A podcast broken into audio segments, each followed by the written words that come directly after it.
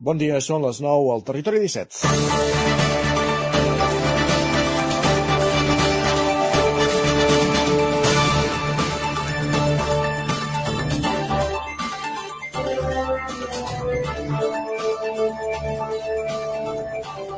risc que sembli la cançó de l'enfadós perquè repeteix sovint el canvi climàtic provoca més sequeres i més llargues. A Catalunya, com a arreu del Mediterrani, plou poc o plou massa. La pluja no sap ploure, com cantava Raimon.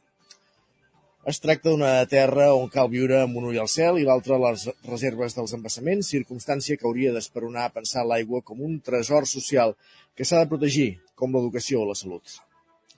Hi ha 224 municipis de Catalunya, bona part d'ells del territori 17, que es troben en situació d'excepcionalitat per sequera des de la setmana passada. Se n'ha limitat el consum per habitant i dia i a 230 litres i creixen les restriccions per a usos agrícoles, industrials o recreatius. Els embassaments de Catalunya estan a mínims. El pantà de Sau s'està buidant cap a Susqueda per garantir la qualitat de l'aigua.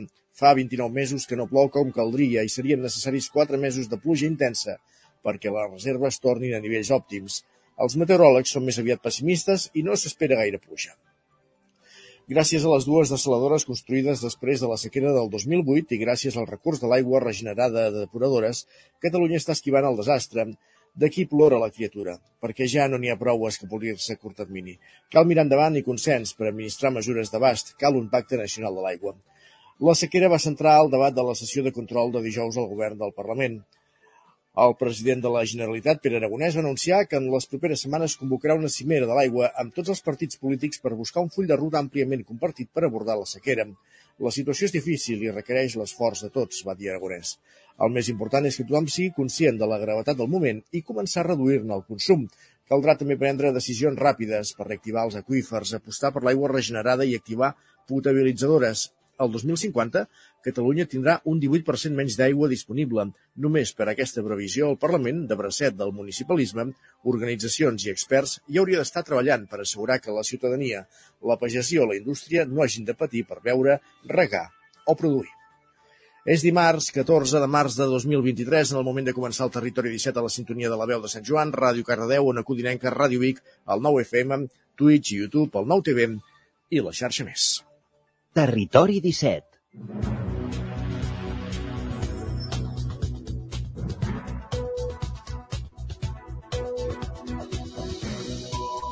Tres minuts que passen de les 9 del matí en el moment de començar una nova edició del Territori 17, la d'avui dimarts, 14 de març de 2023, el Territori 17, el magazín de les comarques del Vallès Oriental, l'Osona, el Ripollès i el Moianès que us fa companyia cada dia entre les 9 i les 11 del matí. De quina manera, amb quins continguts? Doncs de seguida us avancem al menú del dia, el menú d'aquest matí de dimarts. En aquesta primera mitja hora el que farem serà abordar les notícies més destacades de les nostres comarques en connexió amb les diferents emissores del Territori 17. També farem un cop d'ull al cel, ja ens espera en Pep Acosta, Ona Codinenca, el nostre home del temps, i anirem al quiosc amb en Sergi Vives per veure quines són les portades dels diaris del dia, a veure quins titulars destaquen. A dos quarts de deu pujarem a l'R3 amb l'Isaac Muntades, a la tren d'Alba, la secció que cada dia recull les cròniques dels oferts usuaris de la línia de, de tren Barcelona, Vic, Ripoll, Puigcerdà, en un matí complicat, eh, tot el sistema de rodalies, els trens que havien de sortir de Barcelona ho han fet amb, amb retards per problemes a l'infraestructura, i a Barcelona mateix.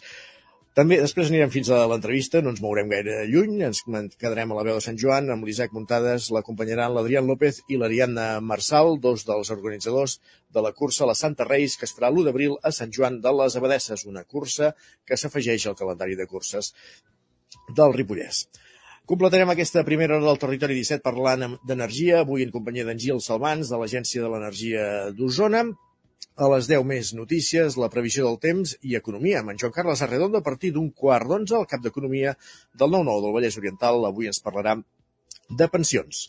I a la darrera mitja hora, primer ens capbussarem a Twitter, amb en Guillem Sánchez per saber quines són les pilades més destacades del dia i acabarem el programa amb el Territori Dona, amb la Maria López i la Txell Vilamana i la Txell Vilamala, avui parlant de dones inspiradores. Aquest és el menú del Territori 17, que ara comença, com dèiem, destacant, repassant les notícies més destacades de les nostres comarques, les notícies del Vallès Oriental, Osona, el Ripollès i el Moianès.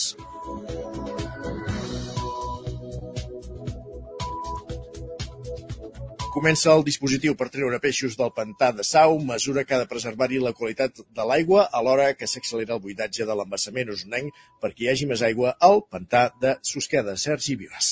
Ahir ja es van portar les primeres barques de tipus pelical al pantà de Sau perquè a partir de dimecres comencin a retirar peixos de l'embassament.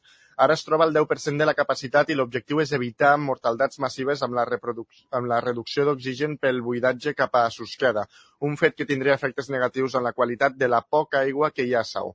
La directora de l'àrea d'execució d'actuacions de l'ACA, Elisabet Mas, ha avançat que mentre l'aigua sigui de bona qualitat es, es continuarà amb el transpassament podria representar el consum d'un milió d'habitants durant tres mesos.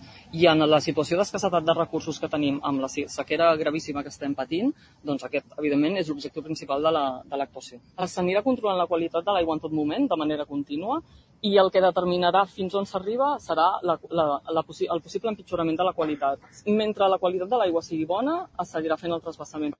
Els peixos es retiraran i se sacrificaran, ho explicava el responsable d'Espècies Exòtiques i Projectes de Conservació del Departament d'Acció Climàtica, Jordi Ruiz. Si nosaltres no fem res a partir d'avui, aquests peixos, si no entra aigua, si no plou, es moriran igualment. No es poden agafar els peixos i portar-los a una altra conca així lliurement, sense control. Cada cop que mous un peix hi ha un risc sanitari. Si en mous milers i milers, i a més a més els portem perquè uns peixos els portaríem un lloc, uns peixos els portaríem als altres, realment apareix un, un, un problema greu. Per tant, per, per motius sanitaris també és recomanable no moure aquests peixos a altres conques per no afectar els peixos de les conques originàries. Estem obligats a sacrificar aquests peixos, no els podem transportar enlloc més. Avui s'acabaran de baixar al pantà la resta de barques que portaran a terme les tasques durant aproximadament un mes i mig. D'aquestes dues seran uh, més grans i pescaran amb xarxes a més profunditat i no es descarta portar-ne una cinquena per fer pesca elèctrica. Una altra embarcació està calculant la quantitat de peixos total que podria rondar les 50 o 60 tones. Es preveu que se'n retiri més d'una tona cada dia una tona cada dia. Al final, cap a 50 o 60 tones de, te, de peix. És la biodiversitat que no, que no veiem, els ecosistemes que no veiem sota l'aigua. Pràcticament tots els peixos que habiten al pantà de Sau corresponen a espècies invasores. N'hem parlat amb el, amb el director del Centre d'Estudis dels Rius Mediterranis de la Universitat de Vic, Marc Ordet, Sergi. Algunes de les espècies invasores són el silur, la gambúcia o el peix gat. Altres espècies invasores, aquestes però naturalitzades, són la carpa, el carpí o el peix sol. En canvi, les espècies autòctones són l'anguila, el el val de muntanya, la truita i la bagra. Ordeix eh, ha explicat per què són aquestes les espècies que habiten al pantà de Sau. Els peixos que hi ha al pantà de Sau, ara mateix, eh, pot ser que hi hagi algun individu d'alguna espècie autòctona, alguna truita, algun barb, alguna bagra, eh? però la seva gran majoria, diria el 99% o més, eh? segurament més del 99%, eh? són espècies que han arribat a través dels pescadors, a través d'orígens diversos, perquè no són espècies pròpies d'aquí, i això val per totes les espècies foranes, fins i tot eh, per la carpa o altres espècies com els carpins que estem més acostumats a veure de fa molts anys. Per altra banda, Ordeix explica que la sequera té un impacte directe amb la biodiversitat dels rius. Les aigües perden qualitat i es posen en perill algunes espècies més qüestions perquè els bombers localitzen a Tabertet el cos sense vida de Joan Sangles, que era el mossèn del santuari de Roca Prevera de Torelló, i aquí diumenge a la nit s'havia denunciat, d'aquí diumenge a la nit s'havia denunciat la desaparició. El van trobar ahir a les 12 del migdia a la zona del Baixant del Castell, en un punt de difícil accés, d'on va ser retirat pels vols de les 3 eh, per part d'un helicòpter dels Mossos d'Esquadra que el van traslladar a l'Hospital Universitari de Vic. L'autòpsia haurà de determinar les causes de la mort, que tot apunta que s'hauria produït de manera accidental quan l'home hauria anat a buscar un, una cova que recordava de petit. Sangles, que tenia 78 anys, va dir la missa de 10 el diumenge al santuari de Roca Prevera i després hauria marxat cap a Tabertet per assistir a un dinar familiar. Sangles s'havia implicat a través de la Comissió Històrica en la comissió que preservava la mm, celebració del centenari de l'actual edifici de Roca Prevera. Entre les mostres de condol que s'han fet públiques, l'equip de P. Bordes, que organitza la plec al santuari, ha mostrat la seva consternació per la mort de Sangles i n'ha destacat també la participació a la festa. Més qüestions. Anem cap al Ripollès perquè Esquerra Republicana es queixa de la mala gestió del sistema de pagament per generació de residus a Sant Joan de les Abadesses i l'equip de govern calcula que s'implementarà el 2024. Isaac Montades, la veu de Sant Joan. El sistema de recollida porta a porta ha generat una nova polèmica a Sant Joan de les Abadeses. El grup municipal d'Esquerra Republicana de Catalunya va denunciar que el nou sistema de recollida de deixalles municipal basat en la forma de pagament per generació, que s'havia de posar en marxa l'1 de gener de l'any 2022, no ha ni començat perquè l'equip de govern de més va decidir ajornar-ne la implantació. Esquerra denunciava que la compra d'uns cubells amb xip que s'havien de repartir pel municipi va tenir un cost de 210.000 euros, que segons apuntaven s'han malgastat perquè no se n'ha fet una bona gestió. Els republicans van recordar que la majoria d'aquests cubells estan abandonats al magatzem de l'antiga fàbrica tèxtil de la Cotolla, al barri de l'estació. El portaveu republicà, Sergi Albric, explicava les conseqüències que es derivaven de la problemàtica. I el sistema porta a porta encara no millora doncs, totes aquelles deficiències endèmiques que té. Bàsicament, la millora, per exemple, de les àrees d'aportació, la millora del porta a porta per a aquelles persones persones que resideixen al cap de setmana o que estan pocs dies a Sant Joan i per tant això genera que les àrees d'aportació siguin veritables acumulacions de deixalles, que hi ha un cert descontrol. El que reclamem és que aquesta inversió de 200.000 euros es recuperi, es trobi un nou horitzó que bàsicament permeti fer funcionar el sistema porta a porta de forma correcta, que s'evitin doncs, aquestes malmeses de les àrees d'aportació on s'acumulen deixalles de forma incontrolada dia sí dia també i que per tant doncs, això vagi en pro doncs, de facilitar la recollida de deixalles doncs, pels veïns i les veïnes. El BRIC apuntava que en una població en què el deute municipal superava els 2,3 milions d'euros s'havien d'evitar aquestes gestions que va titllar d'injustificables. El 2020 la taxa de reciclatge de Sant Joan se situava en el 74% i els republicans pensen que s'hauria de superar el 80% de llarg. També van alertar que des del 2017 la taxa de recollida d'escombraries va augmentar en un 39%, passant de pagar 103 euros llavors a 143 euros ara. En primer lloc, l'alcalde Ramon Roquer no sabia d'on sortien aquests 210.000 euros de despesa, ja que la compra d'entre 2.000 i 3.000 cubells va venir finançada per l'Agència Catalana de Residus i no va costar tants diners. Roquer va dir que el sistema de cobrament per generació és un pas més del porta a porta i els cubells amb xip serviran per saber quantes vegades els veïns treuen l'orgànic i el rebuig per fer un seguiment i un càlcul més exacte. Roquer detallava la fase on es troba el procés i quan s'implementarà definitivament. Ja estem en procés de licitació d'una inversió de 150.000 euros per la millora d'aquestes àrees i per tant ara nosaltres el que anirem fent és una intensificació d'aquí a final d'any per anar tastant i provant i sobretot per anar analitzant les dades que anem rebent a través de la lectura dels cubells per anar cobrint incidències, temes derivats de la recollida que han de permetre finalment poder aplicar definitivament el cobrament per generació i per tant el cobrament més just i que jo confio ja que de cara al 24, 25 es pugui anar implantant definitivament aquesta recollida. Aquests diners per millorar les àrees d'aportació i de disseminats estan subvencionats al 100% en fons Next Generation. Gràcies, Isaac. Més qüestions. Anem cap al Vallès Oriental perquè l'Institut Escola de Castellterçol volem dir cap al Moianès, concretament, presenta la campanya contra l'assetjament i si tu fossis jo, dissenyada pels alumnes del propi centre. Roger Rams, Ona Codinenca. La campanya surt dels alumnes que formen part del programa del rendiment acadèmic de segon i tercer d'ESO. Concretament han destinat el projecte d'àmbit social i ciutadania a fer una campanya de conscienciació sobre l'assetjament escolar amb tècniques publicitàries. Pau Gaitan, director de l'Institut Escola Castellterçol, explica l'origen d'aquest projecte que tenien moltes, moltes ganes de fer alguna acció directa per prevenir, per erradicar el que seria l'assetjament escolar dins del que seria el centre i sobretot per conscienciar la gent, que és un tema que ara mateix està de, de, molta, de molta actualitat, ha agafat molta volada.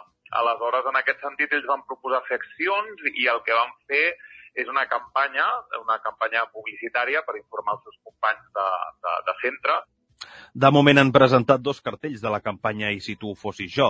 A partir d'aquí continuaran amb la presentació d'un vídeo sobre com actuar en el cas de veure una situació d'assetjament escolar. Gaitan explica que també han preparat una part de la campanya per difondre-la via xarxes socials. Vídeo explicatiu també que simula un, un telenotícies en el qual una mica s'expliquen totes les uh, situacions i accions que es poden prendre quan algú està patint assetjament escolar. I per últim s'han fet uns quants reels per xarxes socials que s'estrenaran les properes setmanes, que són vídeos curts que es publiquen tant per Twitter com per Instagram com per TikTok i aleshores són vídeos una mica explicatius de, de tot l'acompanyament que des de l'institut i l'escola doncs, es, pot, es pot realitzar. A partir d'aquí, l'Institut Escola Castellterçol continuarà treballant i desenvolupant la campanya i la prevenció de l'assetjament escolar amb la resta d'alumnes de tot el centre. Gràcies, Roger. Més qüestions. Ara sí anem al Vallès Oriental perquè la meitat del frau elèctric detectat per Endesa en aquesta comarca es fa a través de plantacions de marihuana. Pol Grau, Ràdio Televisió Cardedeu. La companyia elèctrica Endesa va obrir durant l'any passat un total de 830 expedients per defraudacions de fluid elèctric detectats al Vallès Oriental, tant en habitatges i nous industrials com en altres tipus d'establiments. Aquesta xifra inclou els 35 expedients lligats a cultius de marihuana il·legals que es van desmantellar. El volum d'energia defraudat va superar els 16,6 milions de quilowatts hora, que d'acord amb el consum mitjà d'un habitatge fixat en 3.500 kWh, equivaldria a la despesa que farien gairebé 4.800 llars en tot un any. En aquest cas, el volum de quilowatts fantasma consumits per cultius de marihuana representa gairebé el 52% del total. El consum mitjà d'una plantació correspon al de 80 habitatges, i en algunes àrees, amb alta concentració de frau, aquestes plantacions representen fins al 80% del total de l'electricitat consumida a les zones, segons dades d'Endesa. Els municipis on el percentatge de frau lligat a les plantacions de marihuana és més alt respecte al total són Llinars del Vallès amb 90%, Caldes amb 89%, Lliçà de Vall amb 80%, Vilanova 80%, Vigues i Reyes del Faix 78% i Canovella 77%. El nombre de fraus lligats a la producció de cannabis ha anat a més en els darrers anys. La incidència varia segons la zona. Dominen, però, poblacions properes a l'est de l'AP7, que és una via de sortida per a la droga que molt sovint es comercialitza en altres països europeus, on es paga preus més alts i, per tant, genera més negoci. Segons les xifres facilitades per la companyia, Endesa va obrir com a mínim un expedient per frau elèctric a 29 dels 39 municipis del Vallès Oriental. En 17, almenys un cas lligat a la producció intensiva de plantes de cannabis. Més qüestions, gràcies, Pol. Per al risc d'incendi, el Departament d'Interior, a través dels agents rurals, ha activat aquest cap de setmana el Pla Alfa des de divendres.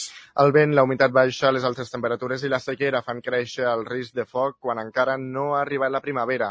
Osona ha estat al nivell 1 durant el cap de setmana de risc moderat alt i ahir va passar al 2 de perill alt a molt alt on continua avui. A la comarca s'hi va produir un incendi aïllat, una furgoneta que es va encendre divendres a la tarda a l'antic camí del Pilar a Sant Hipòlit de Voltregà. Els bombers hi van acudir amb una dotació, van extingir les flames. L'incendi no va provocar ferits ni cap altra afectació.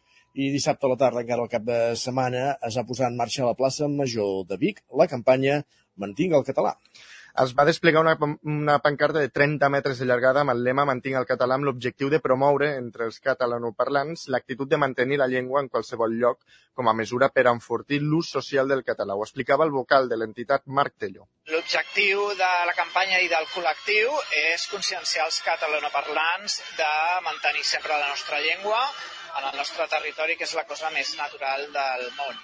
Eh, no ens hem de sentir cohibits, eh, hem de intentar eh, treure'ns aquesta submissió lingüística que ens han imposat des de les institucions espanyoles i entendre que el català sempre ha estat una llengua vehicular al nostre país, és una llengua d'integració i que parlar-la en el nostre país no hem de demanar permís ni perdó. És la cosa més natural del món. És la nostra llengua, és la nostra terra i és una part fonamental de la nostra cultura. L'entitat, per tant, defensa mantenir la llengua en qualsevol lloc i davant de tothom, un argument amb què Uma Alcaide coincideix. Fa més de 20 anys que viu a Catalunya i és on s'ha criat i, tot i això, denuncia que la gent li parla en castellà. El català està en perill i el que hem de fer és comptar amb les persones que viuen aquí, que parlen català, eh, siguin negres, siguin eh, àrabs o siguin d'on sigui. S'ha de fer servir la llengua. I hem de fer servir la llengua amb tothom sense canviar-la sense pensar que aquella persona no t'entendrà. Poder no t'entendrà, però igualment intenta-ho. Per mi, eh, el fet de que me canviïn la llengua és racisme. Vull dir, m'estan veient el color de pell i em canvien la llengua. Quan tu cada dia fas servir el català. La pancarta s'ha fet gràcies a un procés de micromecenatge amb l'ajuda de l'Assemblea de Vic. La intenció és mostrar-la als grans esdeveniments com ara als exteriors del Camp Nou. Gràcies, Sergi. Acabem aquí aquest repàs informatiu que començàvem al punt de les 9 en companyia, com dèiem, de Sergi Vives, Isaac Muntades, Pol Grau i Roger Rams. És moment al territori 17 de saludar també el nostre home del temps, en Pep Acosta.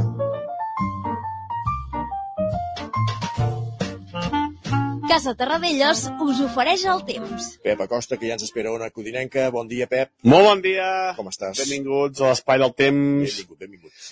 Espero que tot bé, que hagi començat bé la setmana, el que va començar és de manera molt càlida, semblava més eh, un dia de maig que no pas de, de març, només que estem unes temperatures enfiladíssimes, sobretot cap al preditorial, preditorial cap a l'interior, més de 25 graus, una autèntica barbaritat en les èpoques que, que estem. Eh, semblava un dia gairebé d'estiu, de, de, eh? eh? Molta gent ho comentava, que traia calor, que estava suant, eh, semblava, com deia, un dia d'estiu. De, eh, però ahir la nit ens va creuar un, ens va creuar un petit front, jo crec que, que, que, que ni, ni bueno, diem petit front perquè era un petit front, però gairebé no, no cal ni esmentar-lo. Però bueno, ens va creuar i va obrir les portes a un aire una mica més fred, a una situació una mica diferent. Ahir va tornar a bufar un vent de sud-sud-oest, molt escalfat, molt sec, eh, tenim els boscos que fa por, fa por com està la, la situació, eh, i és que no, no és la solució absolutament per enlloc, és que és, és increïble el que està, que està passant i és increïble com pinten els mapes. El que dèiem, anem, per, anem pel temps, anem pel temps. Com deia, aquest front que ens ha escombrat aquesta nit ha deixat alguna precipitació com el Pirineu, molt poca cosa, el nostre Pirineu d'un litre a dos com a molt, eh, bé, gairebé inexistent, però sí que ha obert la porta a uns aires una mica més freds. I aquesta nit ja s'ha notat. Hi ha alguna glaçada cap al Pirineu, 3 quarts a 0, 3 quarts sota 0 zona de Baiter, les zones més fredes del Ripollès entre 0 i 5 graus, també a l'interior, moltes poblacions entre 0 i 5 graus de mínima, i el peritoral entre els 5 i els 10. Ha baixat, ha baixat respecte a ahir uns 4 o 5 graus en general a totes les poblacions. Eh, I era hora una mica de refrescada i ja està bé que refresqui una mica. Avui serà un dia bastant tranquil, aquest matí, gairebé cap núvol, molt de sol.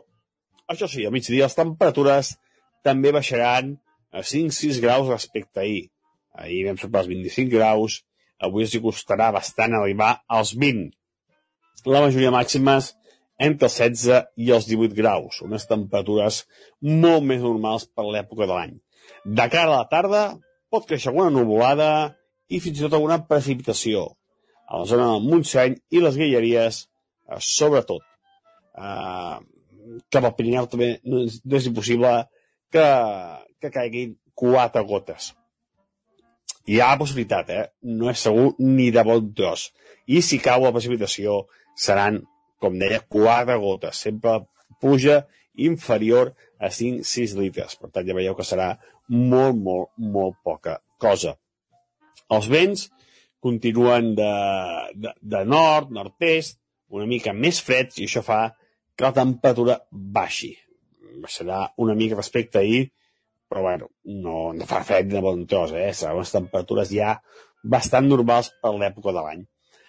La setmana pinta bastant tranquil·la, només al cap de setmana hi pot haver un, un front una, una mica més actiu que et pot deixar una mica més de puja. Però ja veurem, perquè al final aquests fronts s'acaben desintegrant i no deixant gens de puja. Adeu. Anirem seguint l'evolució. Gràcies, Pep. Fins ara. Casa Tarradellas us ha ofert aquest espai i del temps cap al quiosc. Perquè és moment de saber, Sergi, quines són les portades dels diaris del dia. Per on comencem? Doncs mira, comencem pel punt avui, que diu que Pegasus empaita el CNI. Expliquen que l'Audiència de Barcelona ordena que es prengui declaració a l'empresa israeliana NSO, fabricant del programari espia, i també a la directora de la intel·ligència espanyola. També diuen que l'Ajuntament de Barcelona conclou que el monument feixista de Montjuïc infringeix la llei però no destina diners per retirar-lo. El periòdico diu que la caiguda de Silicon Valley aviva el fantasma del 2008. Expliquen que els Estats Units rescaten aquest banc i tanquen una altra entitat per evitar eh, que el pànic s'estengui. També diuen que la Covid segueix causant a Espanya 15 morts diàries entre la gent gran. Expliquen que a Catalunya 72.000 persones pateixen Perdó. No, no, és, no és tos de Covid, això, eh? No, no, no. no, no. Esperem que no. Uh, expliquen que a Catalunya 72.000 persones pateixen la malaltia de manera persistent 3 anys després. Per altra banda, diuen que Hisenda proposa rastrejar el destí dels fons pagats pel Barça a Negreira. Expliquen que l'exdirigent arbitral efectuava importants retirades de diners en efectiu i l'agència tributària no descarta que els beneficiats uh, poguessin ser terceres persones vinculades al Barcelona. La Vanguardia diu que Àsia domina els Oscars més tranquils. Expliquen que tota la vegada i tot arreu s'emporta set dels premis més importants. També diuen que fa setmanes que la teràpia per deixar el tabac en 25 dies s'ha exaurit. El, el laboratori ho atribueix a un problema en l'equitat etiquetatge que espera resoldre aviat. O sigui que és una teràpia que necessites comprar algun producte, eh? Exactament. D'acord. I per altra banda, La Vanguardia doncs, posa en portada la situació del pantà de Sau. Diuen que el transbassament matarà al dia dues tones de peixos. Caram, nosaltres hem dit una. Una. A, a, a algú li fallen els números, eh? Però Sí. en fi. A veure, a veure quan seran, al final. Um, Lara diu que el Parlament ha pagat 5,7 milions d'euros en pensions als expresidents de la cambra. Expliquen que el PSC mou fitxa per eliminar de forma immediata aquestes retribucions. I també cal destacar que l'Ara doncs, també ha posat en portada el pantà de Sau dient que doncs, hauran de ser sacrificats als peixos per la sequera. Pantà de Sau sempre a les portades. Quan no és per, pel nivell de l'aigua al campanar, és per les barques que, que han de treure tota aquesta quantitat de peix que hi ha sota les aigües del pantà. Tota aquesta quantitat de peix, encara ara que el pantà està al 10%. Sí. Dir que imagina't la, la, la de peix que hi arriba a, a cabra allà dins. Més qüestions. Doncs anem cap a Madrid. El país diu que la caiguda dels bancs dels Estats Units deslliga la por als mercats. Expliquen que el sector bancari sofreix caigudes en la borsa europea i l'IBEX perd un 3,5%. Per una banda, Biden diu que el sistema és sòlid i els dipòsits estan assegurats i, per altra, els ministres de la Unió Europea asseguren que no hi ha risc de contagi. L'ABC diu que el cop d'escrivar els sous no cobreix ni la meitat de la pujada de les pensions. Expliquen que la reforma presentada a Brussel·les elevarà a 3 punts la despesa en jubilacions, mentre que els au- augments en les cotitzacions només suposen 8 8.000 milions. El Mundo diu que Vox admet que la seva ala dreta no entén la moció de Tamames. Expliquen que en reunions internes ha aflorat el malestar amb, un, amb el candidat de les bases més ideoli ideolitzades del partit, unes diferències que s'aguditzen a una setmana de la sessió. Ramon Ma- Tamames és un històric polític espanyol al passat eh, comunista i que ara serà qui proposen com a substitut de Pedro Sánchez a la moció de censura que, que presenta Vox al Congrés. Exactament. I la Razón per acabar diu que Sánchez donarà la rèplica en la moció de censura de Vox. Expliquen que Moncloa estudia altres formes d'intervenció que passarien doncs, per Calviño i Yolanda Díaz. Ràpidament repassem digitals a l'edició d'Osona i el Ripollès del 99.cat Doncs que Gemma Prat de Fusimanya és reconeguda amb el Premi Guardó al lideratge femení. i a l'edició del Vallès Oriental. Doncs que Rafael Lledó serà gerent de l'Hospital de Mataró quan deixi el de Granollers. Dit tot això, gràcies Sergi, fem una pausa i tornem d'aquí 3 minuts. El nou FM, la ràdio de casa, al 92.8. Que la gent gran pugui envellir a casa amb dignitat, autonomia i qualitat és el propòsit de la Diputació de Barcelona i dels ajuntaments. Treballem per oferir serveis com teleassistència, millora de l'accessibilitat, atenció a la soledat i activitats socials al barri. Informa't en el teu ajuntament o a diva.cat barra serveis gent gran. Diputació de Barcelona. No t'ho creuràs. M'ha trucat el servei tècnic oficial de Saunier Duval perquè han detectat a distància que li falta aigua a la caldera. Era a casa i no me n'havia adonat. I què has fet? Res, perquè el meu servei de manteniment Mi Saunier Duval Connect m'ha donat una solució en qüestió de minuts. Informeu-vos a connectivitat.saunierduval.es. Saunier Duval, sempre al seu costat. Aquest mes de març, l'Auditori Teatre Call d'Atenes et porta Humor crític amb elles, el dissabte 11 de març a les 7 del vespre i monòleg amb nua radiografia dissabte 18 de març a les 7 del vespre.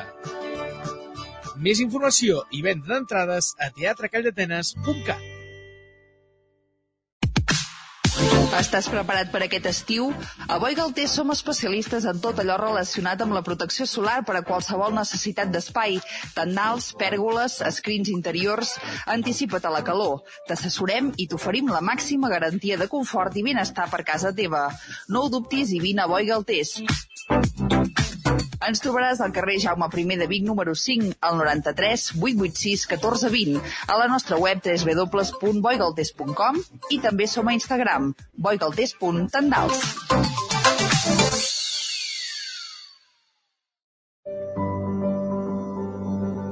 Relaxa't i desconnecta la Vall de Ribes. El 9-9 i Eix Ambiental et regalen una estada a l'hotel Espa Resguard dels Vents amb allotjament, esmorzar, spa i sopar. Per aconseguir aquest xec regal només has d'entrar al perfil d'Instagram del 99, buscar entre les últimes publicacions i participar al sorteig tot seguint les instruccions. Tens temps fins al diumenge 19 de març. El 25 de març arriba l'Ubic Fest, les portes obertes de la UBIC convertides en un festival. Coneixeràs tots els graus i cicles, rebràs orientació universitària i viuràs emocions que et posaran la pell de gallina. Inscriu-t'hi ja a ubic.cat barra JPO presencial. El dissabte 25 de març vine a l'Ubic Fest, unes portes obertes que et posaran la pell de gallina. Cefusol, centre de formació de soldadura GURB. Som especialistes en processos de soldadura. Disposem d'instal·lacions totalment equipades per a classes de teòrica i pràctica amb cabines individuals i equipaments de seguretat. Assessorem empreses i oferim cursos subvencionats i bonificats. Vine i t'informarem. Cefusol, som al carrer Sant Roc, número 9 de Gurb. Telèfon 664 206 192. També ens trobaràs a cefusol.com i a YouTube. El nou FM. El nou FM. El nou FM. Territori 17.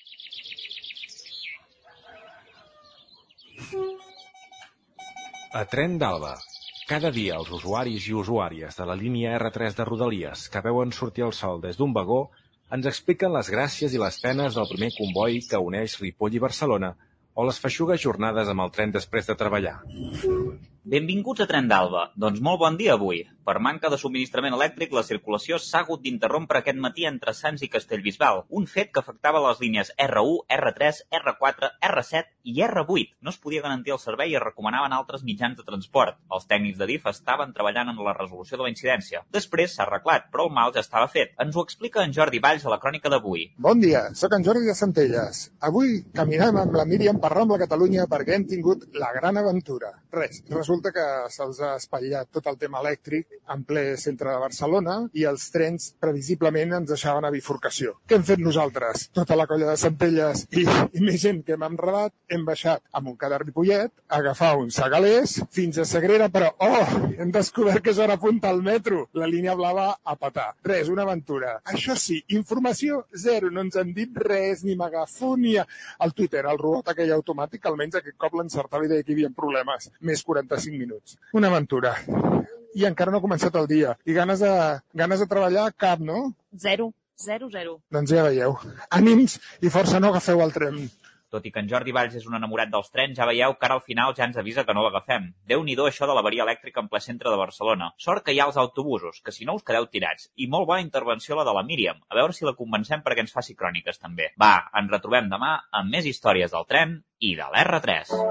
Territori 17, el 9 FM, la veu de Sant Joan, Ona Codinenca, Ràdio Cardedeu, Territori 17. Avui els grans damnificats del tren són els que havien de sortir de Barcelona per a altres llocs, perquè els trens que sortien de Barcelona no ho han començat a fer fins a passades les 8 del matí. Gràcies, Isaac. Ara anem cap a l'entrevista.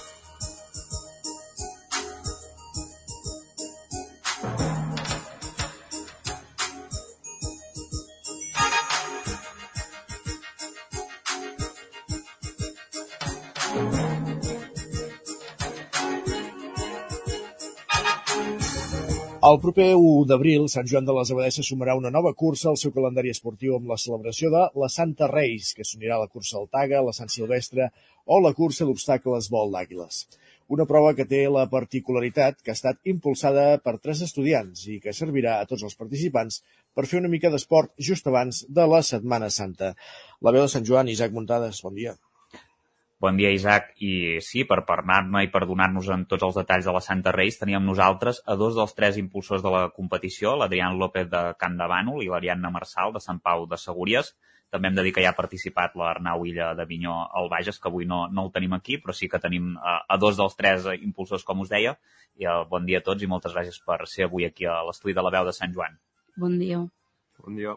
Uh, uh, primer de tot, uh, hi ha una pregunta que és obligada, cap dels tres és de Sant Joan de les Abadeses. Aleshores, com és que heu escollit uh, Sant Joan per fer aquesta prova? No sé si ha jugat algun tipus de paper la Unió Excursionista d'aquí del municipi. Bé, um, primer de tot, cap dels tres és de Sant Joan, com heu dit. Llavors, uh, la nostra idea era fer una cursa al Ripollès, encara que hi hagi un altre participant, un altre organitzador de Vinyó, i vam fer com un estudi així per mirar a veure quina població podia tenir més tirada a fer una cursa i després d'aquest estudi vam veure que Sant Joan era el municipi de tot el Ripollès el que sempre té més tirada en quant a fires, en quant a curses, qualsevol esdeveniment, és el municipi que sempre té més participació. Llavors ens va tirar més en algun lloc que pogués haver molts inscrits i que donés una mica de renom a la cursa. Llavors ho hem pogut tirar endavant gràcies a l'Ajuntament i sobretot gràcies a la Unió Excursionista, que han set els principals ajudants i, com podríem dir, organitzadors també de la, de la cursa perquè ens han ajudat molt en quant a gestió i ens han donat totes les facilitats possibles per poder tirar endavant aquest esdeveniment. Uh -huh. Abans dèiem que això, que sou tres estudiants. Aquesta cursa forma part de, de la vostra formació acadèmica, d'alguna manera? Com, com va tot plegat? Doncs bé, uh, nosaltres, els tres uh, organitzadors, estem cursant el grau superior d'ensenyament i animació socioesportiva i dintre d'aquest grau tenim una assignatura que es diu planificació, la qual dura tot el curs i es tracta d'organitzar i portar a terme un esdeveniment esportiu del caire que a cada grup li agradi. A nosaltres doncs, vam, vam fer aquest grup i vam veure que era algo que bueno, ens agradava a tots tres. I llavors va ser quan vam decidir portar a terme aquesta cursa i, bueno, el que deia l'Ariana abans, vam triar Sant Joan. I en quant al procés, doncs ha estat un procés llarg, ja que el primer has de decidir quin esdeveniment faràs, on el portaràs a terme, a quin tipus de públic t'enfoques, és a dir, un públic més general, més específic. Nosaltres hem triat una cursa més popular, que hi pugui participar molta gent, Després hem hagut de buscar patrocinadors, col·laboradors, posar-nos en contacte amb els del cronometratge i bueno, una part més difícil, el tema dels col·laboradors, és el que més ha costat. I bueno, també parlar amb l'Ajuntament, instàncies, eh, protecció civil i buscar voluntaris també pels punts de pas, etc. Mm -hmm. hem, hem de dir que uh, aquesta cursa forma part una mica d'aquesta assignatura i també és part de la nota, no? Vull dir, no sé si és una part important de, de la nota. Sí. Bé, aquesta cursa seria com, diem-ne, un treball final de grau, que no és ben bé així, l'únic que t'ho plantegen com una assignatura més, però té conseqüència i reflecteix en el que serien moltes altres assignatures durant el curs. A més a més, sempre ens fan portar un control de tot el que fem cada dia per puntuar d'una manera, puntuar d'una altra, si realment veuen que treballes, i a part de fer-ho a les hores que ens donen a l'escola, que ens en donen només dos setmanals, ens fan treballar molt a casa i per poder fer moltes tasques de, de l'esdeveniment externament on, a les classes. Parlem pròpiament de, de la cursa. No sé quins traçats eh, hi haurà i per on passaran exactament, si ja ho teniu controlat, això. Vale. La cursa infantil, que és una cursa de 800 metres, la farem passar sempre per dins el casc antic de Sant Joan, sempre començant i acabant al passeig. Després, la de 5 quilòmetres tindrà uns 100 i pocs metres de desnivell.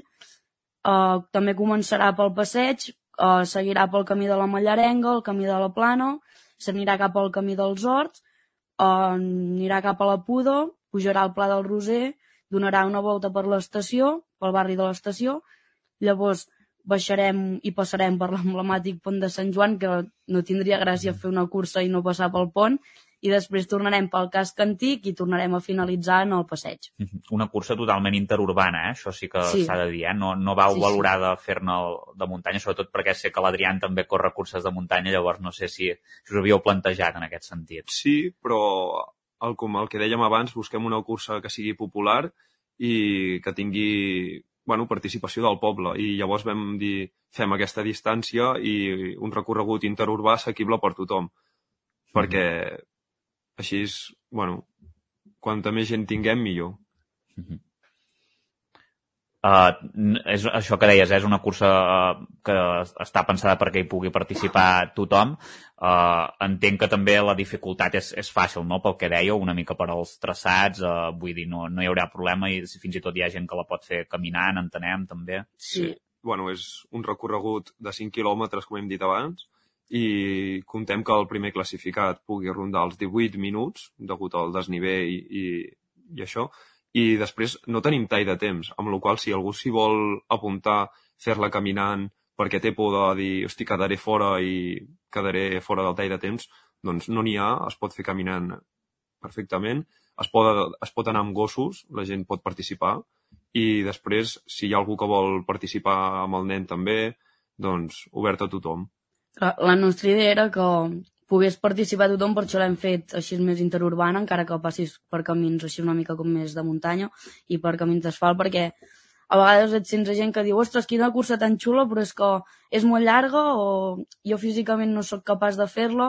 Llavors el que hem buscat és que la gent que vulgui competir que pugui fer-la corrents i la gent que la vulgui fer lúdicament doncs, que també tingui l'oportunitat de, de poder fer una cursa com qualsevol altra persona. Uh -huh. uh, no sé fins quan s'hi pot inscriure la gent i com ho ha de fer. Amb quina, amb quina participació us sentíeu satisfets? Vale. Uh, nosaltres hem donat fins al dia anterior per inscriure's online des de la web de Novac Esports, que les inscripcions ens les porten ells, i val 11 euros i després el mateix dia presencialment uh, es pot inscriure també la gent, l'únic que valdrà 13 euros el mateix dia. Llavors nosaltres uh, estaríem contents amb uns 50-60 persones perquè al ser la primera edició sempre costa més arrencar un projecte, però bueno, si arribéssim a les 70, 80, 90, 100 ja seria tot un èxit. Uh -huh. És perquè estan obertes les inscripcions? No sé si teniu ja gent que s'ha apuntat. Sí, entenc. les inscripcions sí. ja, ja estan obertes des de ja farà potser 15 dies o 3 setmanes Bien. i la veritat és que ja hi ha algun inscrit, però bueno, ens agradaria que n'hi haguéssim més ja a dia d'avui.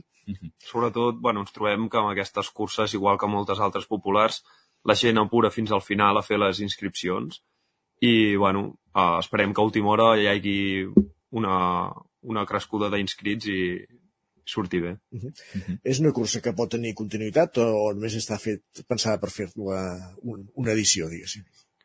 Doncs bé, si la cosa, la primera edició té èxit i compta amb un mínim de participants, és a dir, si ja passéssim dels 50 sobre els 60, 70 i diguéssim, bueno, ha sortit bé, doncs sí que tindria continuïtat i si no, doncs ens ho hauríem de replantejar, però en principi, si surt bé, sí, que es realitzarien més edicions.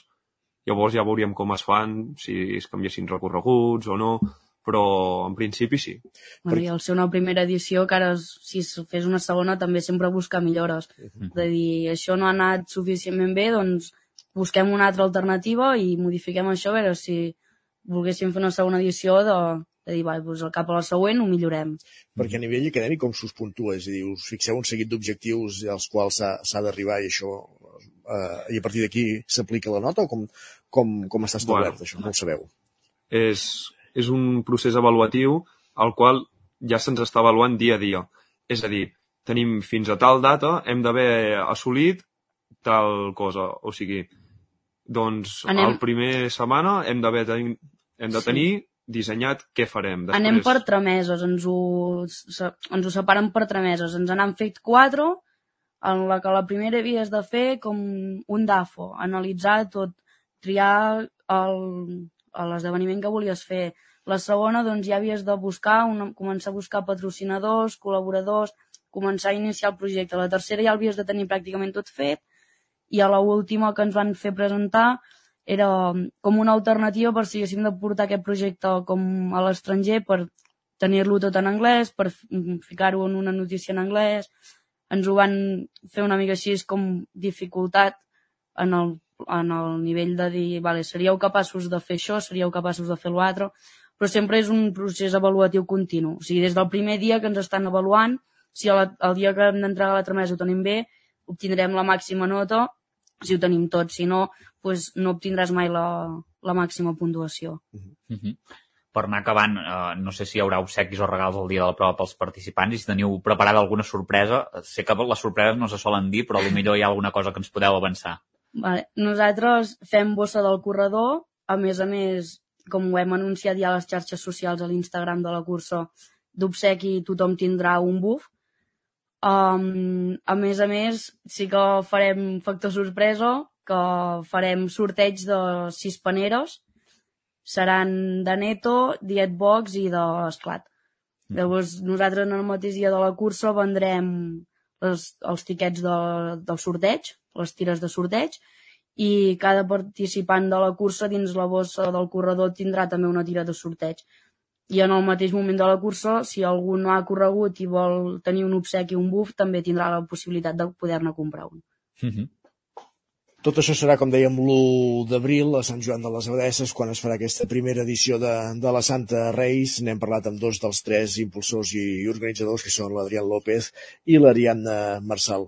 Moltíssimes gràcies per ser avui amb nosaltres aquí al Territori 17 i que vagi molt bé eh, ja el dia de, de la cursa, diguéssim, el dia del colofó. Gràcies per tot i fins aviat. Moltes gràcies. Gràcies també, Isaac, per acompanyar-nos un matí més aquí al Territori 17. Fins ara. Moltes gràcies, fins ara.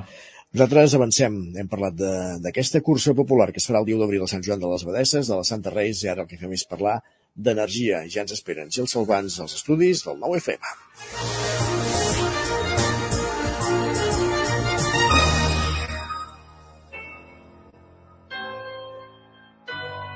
Territori, Territori 17.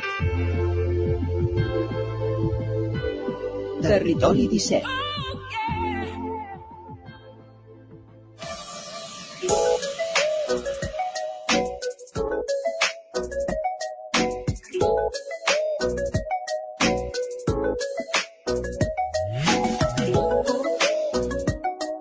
Quarts de deu del matí al territori 17, com fem un cop al mes, parlem d'energia, ens acompanya en Gil- Salvans de l'Agència de l'Energia d'Osona. Bon dia, benvingut Gil. Bon dia, Isaac. Com estem? Bé. Ja superada aquesta Fira de, de l'Energia de la qual vam parlar el, el mes passat, al llarg d'aquests mesos, al llarg d'aquesta secció, hem aprofundit bastant amb, amb l'energia fotovoltaica, amb les comunitats primer i ara hi ha cooperatives eh, energètiques que es van constituint. Avui ens agradaria fer una mica de, de mirada eh, retrospectiva, de perspectiva, en com ha anat evolucionant tot plegat al llarg de- d'aquest temps. Eh, L'energia fotovoltaica ara mateix està a l'ordre del dia en tots els objectius de- d'emergència climàtica. Veiem cada cop més, més cobertes, més taulades amb plaques. Segur que encara són molt poques de, de les que haurem de, de veure, però eh, el que també és, és evident és que aquesta tecnologia de, de la fotovoltaica eh, ha anat evolucionant al llarg de, de, de, de tots aquests anys. Una, avui una mica, una mica ens agradaria fixar-nos en, en això, no? amb l'evolució que ha tingut tot aquest sistema de generació de- d'energia, on som i on, on hem, hem d'arribar. No? Sí, tant. Uh, L'evolució és, és, és exponencial aquests darrers tres anys. Eh? L'energia fotovoltaica ens apareix al nostre país, als nostres, al nostre coneixement, diguéssim, als anys 2005, 2006, 2007, amb, amb les primeres instal·lacions de venda d'energia que no eren d'autoconsum, que queden, tenen un moment d'un boom el 2008 i 2009, però que queden paralitzades per l'entrada del govern del PP l'any 2012 i queden, queda completament parat el tema de la foto, placa fotovoltaica i la transició energètica en aquest país. Uh, han passat molts anys, des del 2012 fins al 2019, que s'aprova el Real Decret que desenvolupa l'autoconsum fotovoltaic. Van ser 8-9 8-9 anys mm, d'incerteses, de, de, de, de mantenir-nos uh, vinculats a combustibles fòssils i, i no, fer, no impulsar la transició energètica com s'estava fent arreu d'Europa. Això ens situa a la cua a l'hora d'impulsar la transició energètica, n'hem parlat algun altre dia, sí. però sí que és veritat que en aquests darrers tres anys eh, eh, la cosa ha canviat. Ha canviat, no és suficient, ni molt menys, eh, partim això que dèiem, eh? venim de, podríem dir, de 10 anys de sequera i, per tant, eh, hem de fer molta feina, però sí que ha canviat molt. És a dir, el 2022 eh, a Osona, si ens centrem en Osona, ha multiplicat per 7 quasi bé el, el nombre d'instal·lacions fotovoltaiques que té a, a taulades. Um, hem passat a una instal·lació fotovoltaica per cada 38 habitants. Eh? Uh, bueno, això està bé, està malament? Bueno, està, bé, està, està bé. Està, però- està millor el que estava. està millor que estàvem i, i, i esperem que vagin en aquesta línia, però sí que és veritat que, que si ens mirem, per exemple, el projecte NEO de, que vam desenvolupar des del Consell Comarcal d'Osona, ens parla, ens parla de que l'any 2027 hauríem d'estar a 425 megawatts, megawatts, megawatts de potència instal·lada per fer la transició energètica. Estem a, estem a 25. Eh? Per tant... El 2027 has dit quants? 425. I ara estem a 25, ens en falten 400. Ens en falten, ens en falta multiplicar-ho per uns quants. Eh? És a dir, tot i que l'any passat va ser l'any del boom de l'autoconsum, perquè ens entenguem, perquè, és a dir, ja et dic que estem a, vam multiplicar per, per 6-7 vegades l'autoconsum que teníem, però és que ens hem de, hem de començar a tenir en compte que, que l'altre dia eh, hi havia un grup del CEMES, de, el grup de, de transició energètica de- d'enginyers de, del CEMES, que feien una, una reunió aquí a Osona i em van invitar a la participació i, i en la cluenda eh, hi havia, hi havia en, en Carles, Carles Riba, que deia "És que ens hem d'adonar que, que a partir d'ara serà impossible mirar per una finestra i no veure plaques. És a dir, no, és a dir, qualsevol teulada hem d'haver-hi plaques i, a més a més, a territori també. És a dir, haurem d'ocupar un 2% del territori. Per tant, quan fem mirades així de, a llarg plaç, el paisatge, teulades, etc, sempre haurem de veure plaques. Ara ja comença a veure, eh? és, és difícil ara passar per alguna zona i no veure alguna, o, o pobles de la comarca i no veure instal·lacions fotovoltaiques, uh -huh. perquè ja en tenim a tots els municipis de la comarca. Però sí que és veritat que, que, que, bueno, que hem de fer molta feina, però hi ha hagut un boom, hi ha hagut un boom impulsat per, per, per les subvencions, també per, perquè perquè hi ha hagut ajudes dels ajuntaments i sobretot també pel cost de l'energia que se'ns ha multiplicat i per tant ha fet que aquestes instal·lacions ja siguin amortitzables en pocs anys. Ara ho calculava, hauríem de multiplicar-ho per 16-17, eh, el 2027, el que tenim ara, vull dir que no és, no és pas poca cosa. No és poca cosa, hauríem de fer molta feina. Sí que és veritat que, que, que comencem a tenir desenvolupats al punt de connectar-se a xarxa alguns parcs, alguns parcs solars d'autoconsum, també en aquest cas, estem pensant en, en Tona i Olós, que dues indústries tenen parcs, aquests ja són uh, són parcs de 1, 2 megas i per tant mm, passa més ràpid eh, els números, és a dir, mentre uh, amb, amb domèstics anem sumant 3 quilowatts per domèstic, 4, els altres ja sumem de cop 1.500, 1.600. Per tant, segurament que al moment que la indústria, que també ha fet molta instal·lació a la indústria, però vagi agafant el rol i, i la necessitat, doncs uh, pujarem més ràpid aquests, aquests valors. Parlant d'aquests parcs, sí que l'altre dia posava una mica la lupa, els que estan més avançats, concretament pertanyen a, a dues grans indústries de la comarca. Una és l'entorn de Tarradellas i l'altra és l'entorn de, de Mà Frigès. Eh, han de ser moltes altres les indústries que se sumin en aquesta moda o aquesta tendència per entendre'ns, no? Sí, sí, sí, jo crec, és a dir, hi haurà una, als parcs hi haurà dues línies, eh? hem de sempre separar-ho. La línia d'autoconsum, és a dir, aquella indústria que pot, a les seves proximitats, als seus 500 metres, perquè recordem que tot i que són dos quilòmetres, quan vas a, a terra encara són 500 metres, és a dir, els dos quilòmetres d'autoconsum compartit és quan estàs a taulada, quan estàs a terra encara són 500 metres, per tant, aquella indústria que té un terreny al costat que pugui fer-se autoconsum, i llavors hi ha els parcs una mica més grans, que aquests seran els que també s'hauran de desenvolupar eh, en els pròxims anys, que ens anem, estem parlant de parcs de 3, 4, 5 megas, potser en tindrem algun de més gran, tenim el parc de Vallmorat, que alguna vegada hem parlat, que, que se'n va fins als 40 i pico megas, Uh, aquests són de venda d'energia, per tant no van vinculats a una indústria concreta que consumeix l'energia allà, sinó que normalment hi ha un grup inversor al darrere que el que fa és vendre energia i, i retornar aquesta inversió i tenir beneficis amb la inversió que ha fet. Aquests, sí que és veritat que també tenim una gran problemàtica eh, en el món industrial eh, i l'hem de tenir molt present i, i, i s'ha de treballar molt fort perquè, perquè no ens freni la transició, que és la presència d'amiant a les taulades. Eh? És a dir, tenim sí. grans extensions de taulada, de metres quadrats d'amiant, d'uralita, perquè ens entenguem, eh, i no podem posar plaques sobre l'uralita perquè l'hem de treure en els pròxims anys. Per tant, eh, tenim doble feina a fer, eh? I tenim molts, molts metres quadrats d'amiant. I com es fa això? Primer s'ha de treure l'uralita?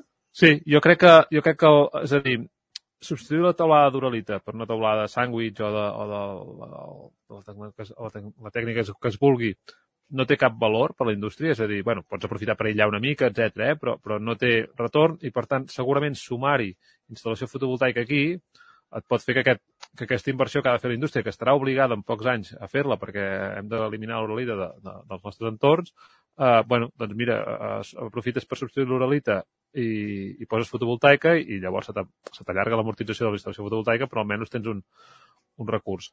Però sí, sí, en principi s'ha de substituir eh, i després pots posar-hi la fotovoltaica a sobre. Però moltes vegades fer el PAC per l'empresa vol dir, bueno, puc veure uns números que a la llarga em surt a compte, perquè si només és canviar la taulada, pues, no, no, hi ha, no, no té aquest valor. Deixa'm fer un parèntesi. Al, al principi comentàvem això, eh, que s'han començat a veure plaques solars a principis de la, dels anys 2000. Deia, feies la punt, llavors no eren per autoconsum. Recordo que aquella, aquella època parlàvem de la, la fotovoltaica, que entenc que el que fèiem era injectar a la xarxa directament, i l'energia tèrmica que servia per escalfar l'aigua de, de casa. Aquests dos sistemes ja són completament obsolets, diguéssim, l'actual la, autoconsum ja ho, ho supera tot això? Mira, el, el, primer, el primer sistema, el, el de foto, generar fotovoltaica, que era aquelles taulades més industrials, eh? no, no domèstiques, sinó que industrials, alguns camps que veiem, també tenim alguna a la comarca, un camp connectat, es venien a prima, que es deia. Eh? En aquell moment la placa fotovoltaica valia 6 o 7 vegades més que el que val ara, eh? de tenir en compte aquest fet també que és important. En els casos 10 vegades més eh? del que val ara una instal·lació fotovoltaica. Llavors el que es feia era el govern et pagava una prima per generar energia, vol dir que et pagaven uns 40-50 euros megawatt, és a dir, ara estem pagant l'energia 20 i pico, doncs eh, el doble del que la paguem, perquè tu poguessis amortitzar la instal·lació aquella i al cap dels anys fins i tot eh, guanyar-hi. Per tant, el que era, era era una inversió de futur, de venda d'energia, a un preu primat, a un preu que l'Estat et, et donava uns diners. I llavors hi ha l'energia solar tèrmica, que és una energia que per molts eh, és com l'energia més neta que hi ha, perquè al final tens una placa sobre casa amb un líquid intern que el que fa és escalfa, escalfa el líquid que hi ha dins i per tant et genera calor amb tu, eh? a, casa o on sigui, eh, tens un dipòsit d'aigua i et queda, i et queda aigua calenta. Cal tenir en compte que, que aquesta, eh, aquí el que va passar és que el Codi Tècnic de l'Edificació va obligar a qualsevol nova construcció o rehabilitacions importants a instal·lar aquesta energia o altres alternatives, però aquesta va ser la que més es va estendre. És una energia molt neta, una energia eh, òptima. El problema que té és que si no tens un, un consum important d'aigua calenta, eh, no té un rendiment alt. Per què? Perquè quan genera molta energia mm, aquesta, aquesta font energètica és a l'estiu, quan a l'estiu normalment d'aigua calenta no necessitem gaire, a nivell sobretot domèstics i, i així. I en canvi l'hivern, que és quan necessitem més aigua calenta, no hi ha gaires hores de sol i no escalfa gaire. I llavors, a més a més, aquesta font energètica té, té un manteniment, perquè hi ha altes temperatures, baixes temperatures, pressió d'aigua, etc, més important que la fotovoltaica. Què passa? Que segurament a nivell domèstic, a nivell quan anem a instal·lacions individuals i així, ara és molt més òptim ficar fotovoltaica d'autoconsum, perquè generes tot l'any, eh, pots aprofitar la fotovoltaica per moltes altres coses, per, per fer anar rentadors, per fer anar rentaplats, la tele, els llums, etc. El cotxe. El cotxe fins i tot. Uh -huh. I si te'n sobra la pots ficar, acumular en un dipòsit, eh? si tens un dipòsit elèctric, doncs pots acumular-la. En canvi, l'altra només la pots acumular com a aigua calenta i si no l'has d'utilitzar, a l'estiu moltes vegades no, no l'utilitzes on, on té tot el sentit del món? En llocs on hi ha grans consums d'aigua, indústria, pavellons, eh, llocs on realment sí que hi ha consum d'aigua calenta quasi bé tot l'any, piscines cobertes, etc. Aquests llocs, la solar tèrmica encara és una gran font d'energia que crec que, que en els pròxims anys també s'ha de fer servir perquè a nivell de rendiment, d'aprofitament de, de metre quadrat és molt més alt que en una fotovoltaica. Parlem de, de preus, perquè està clar que aquí hi juga un paper important l'estalvi en la factura de, de l'energia, amb totes aquestes inversions que s'han fet, sobretot a nivell particular. Eh, venim a més d'uns anys en què el preu de l'energia s'ha disparat. Evidentment hi ha hagut una causa-efecte, més enllà del convenciment eh, que pugui haver-hi darrere sobre l'emergència climàtica. Eh, el preu de l'energia ara, per sort, portem uns mesos que comença, bueno, anava a dir estabilitzat, però estabilitzat a un preu alt, perquè, sí. perquè portem ja, portàvem molta, moltes puges al darrere. Actualment el preu està força estabilitzat, força pla, a l'entorn dels 120, 115, 120, 130 euros megawatt. Que això eh, fa sí dos anys era una bestiesa, era una bestiesa eh? Sí, sí, sí. Clar, venim de fa, de, dels últims 15 anys a una mitjana de 40 i picos. Eh? En un moment hem de 50, 40 i picos. Per tant, el preu se'ns ha duplicat una mica més, quasi bé triplicat, i, i sembla que, o sigui, si mires futurs, parlen de que l'any que ve es tindrà entorn del 105, eh? però quan te costes el futur sempre acaba pujant una mica. Per tant, sembla que el preu s'estabilitzarà. Jo havia dit sempre 140, potser s'estabilitzarà un pèl per sota, 120, 100, 120. Cal veure, eh? aquesta setmana es, es, es debat a la Unió Europea, a la Comissió Europea, el tema de, del topall del gas i el, i el model espanyol de, de, de, de, de, de, del mercat elèctric que, que, que ha demanat canviar-lo i sembla que els alemanys i altres sectors i sobretot els, els grans poders de les elèctriques no ho volen, eh? perquè l'estat espanyol que voldria és fer-lo més, intervenir-hi més perquè realment eh, hi ha hagut coses que no s'han entès gens i, i, i suposo que per aquí van els tiros. Dependrà una mica de també aquestes modificacions, aquestes reformes eh, del preu de l'electricitat, però a dia d'avui sí que no estem als 200-300 euros megawatts que havíem arribat, fins i tot 400 en algun moment puntual, però eh, tampoc no hem tornat als 40 i pico, és a dir, l'energia, eh, si, deixem, si fem que, que hem passat aquests dos anys un parèntesis de, de turbulències, l'energia elèctrica se'ns ha duplicat, quasi bé triplicat. És a dir, aquesta sembla que es, es quedarà. Per tant, tota aquella energia que tu puguis generar a la teva taulada eh, la podràs estalviar perquè és energia neta, de proximitat i molt més econòmica i sobretot, si venen noves turbulències, si hi ha nous problemes de, en temes de, de, de preus d'energia, tota aquella que et generi, si tu et generes un 50, un 60, un 70% de la teva energia, ja no dependràs de mercats ni altres empreses. El tema moltes vegades també està amb el fet que no tot habitatge eh, és capaç d'amortitzar una instal·lació d'aquestes característiques, no? Per, per, pel, pel consum que pugui, que pugui tenir, per, per l'ús que faci de l'electricitat. Si t'escalfes amb, amb gas ja no necessites electricitat segurament per, per escalfar i, i depèn de, de, del consum d'aquell habitatge, doncs segurament una inversió d'aquestes característiques no és, no és amortitzable, en molts d'altres casos evidentment que, que sí, per exemple, eh, ja sé que tinc sempre la mateixa fixació, eh, però una, una comunitat de veïns, un bloc eh, de pisos, eh, si ja s'escalfen amb altres energies i no necessiten l'elèctrica, què, què pot aportar, diguéssim, una, una, una taulada amb, plaques solars per, per la, per la comunitat. Jo crec que, jo crec que és a dir, eh, totalment d'acord, eh, és a dir, a una instal·lació, a una vivenda unifamiliar aïllada, segurament ja pensem sempre de seguida en 3-4 quilowatts instal·lats. Quan ens anem a un pisos eh, on el consum no sol ser més petit, eh, encara tenim gas, hem de pensar que haurem de substituir el gas, eh, tard o d'hora, és a dir, si hem de fer la transició energètica vol dir que no volem de tenir combustibles fòssils i el gas és un combustible fòssil. Per tant, a la llarga haurem de canviar el gas per aerotèrmia i, per tant, llavors el nostre consum elèctric segur que se'ns dispara i, a més a més, la majoria d'aquests pisos actualment ja estan introduint temes d'aires acondicionats perquè els estius ja no és allò tan fresc que teníem, oi, tant, Correcte. eh, ja no són, les nits ja no són tan fresques com les que teníem i, per tant, per tant, a mesura que anem passant els anys, anem augmentant el nostre consum elèctric. Ara bé, una comunitat de veïns que té una taulada X per tota aquesta comunitat, segurament ja no anem a aquests números de 3, euro, ai, 3 4 quilowatts, sinó que segurament podem fer una instal·lació de 15-20 quilowatts que repartits amb la comunitat ens en toquen un, un i mig, i per tant, a més a més, economia d'escala, eh? si fem una instal·lació de 20 quilowatts ens costa 20.000 euros, doncs aquella, a, a 25.000 euros, segurament que si fem un quilowatt o dos per, per, per habitatge, i no parlem dels 6 o 7.000 euros que cal invertir en l'autoconsum individual, sinó que parlem de 2 o 3.000 euros, que són inversions ja que més persones Més poden assequibles, més sí. assequibles. Vale? I si no, llavors hi ha la figura de les comunitats energètiques, que si estàs en un radi de dos quilòmetres de les instal·lacions que facin aquestes comunitats, també eh, pots... Eh, bueno, llavors allà hi ha modelatges de que no cal fer inversió, sinó que eh, es paga la teva participació en forma de l'estalvi que tu tens. M'agrada perquè en Gil Salman sempre té respostes per tot. I per això, de fet, el tenim aquí sempre un cop al mes. Uh, ara apuntàvem això, el fet de, de les comunitats energètiques, d'estar dins el radi dels 500 metres. N'hem parlat d'aquestes cooperatives uh, en altres programes i en tornarem a parlar perquè ara ja comencem ja a palpar-ho, diguéssim. Ja comencem a veure taulades amb, amb plaques uh, impulsades per aquestes cooperatives energètiques. Fa temps que, que s'hi treballa i una mica ja comença a veure's la llum, eh, però d'això en parlarem, si et sembla, de- d'aquí un mes. Perfecte. Sí, d'aquí més hem parlat que tu vas saber tenir alguna instal·lació. Molt bé, doncs Gil Salvans, moltíssimes gràcies per acompanyar-nos un mes més. Bon dia. Bon dia. Avancem al territori 17, ara mateix, que ja són les 10, que de fet en passo minuts. És moment de posar-nos al dia, d'actualitzar-nos amb les notícies més destacades de les nostres comarques. Territori 17.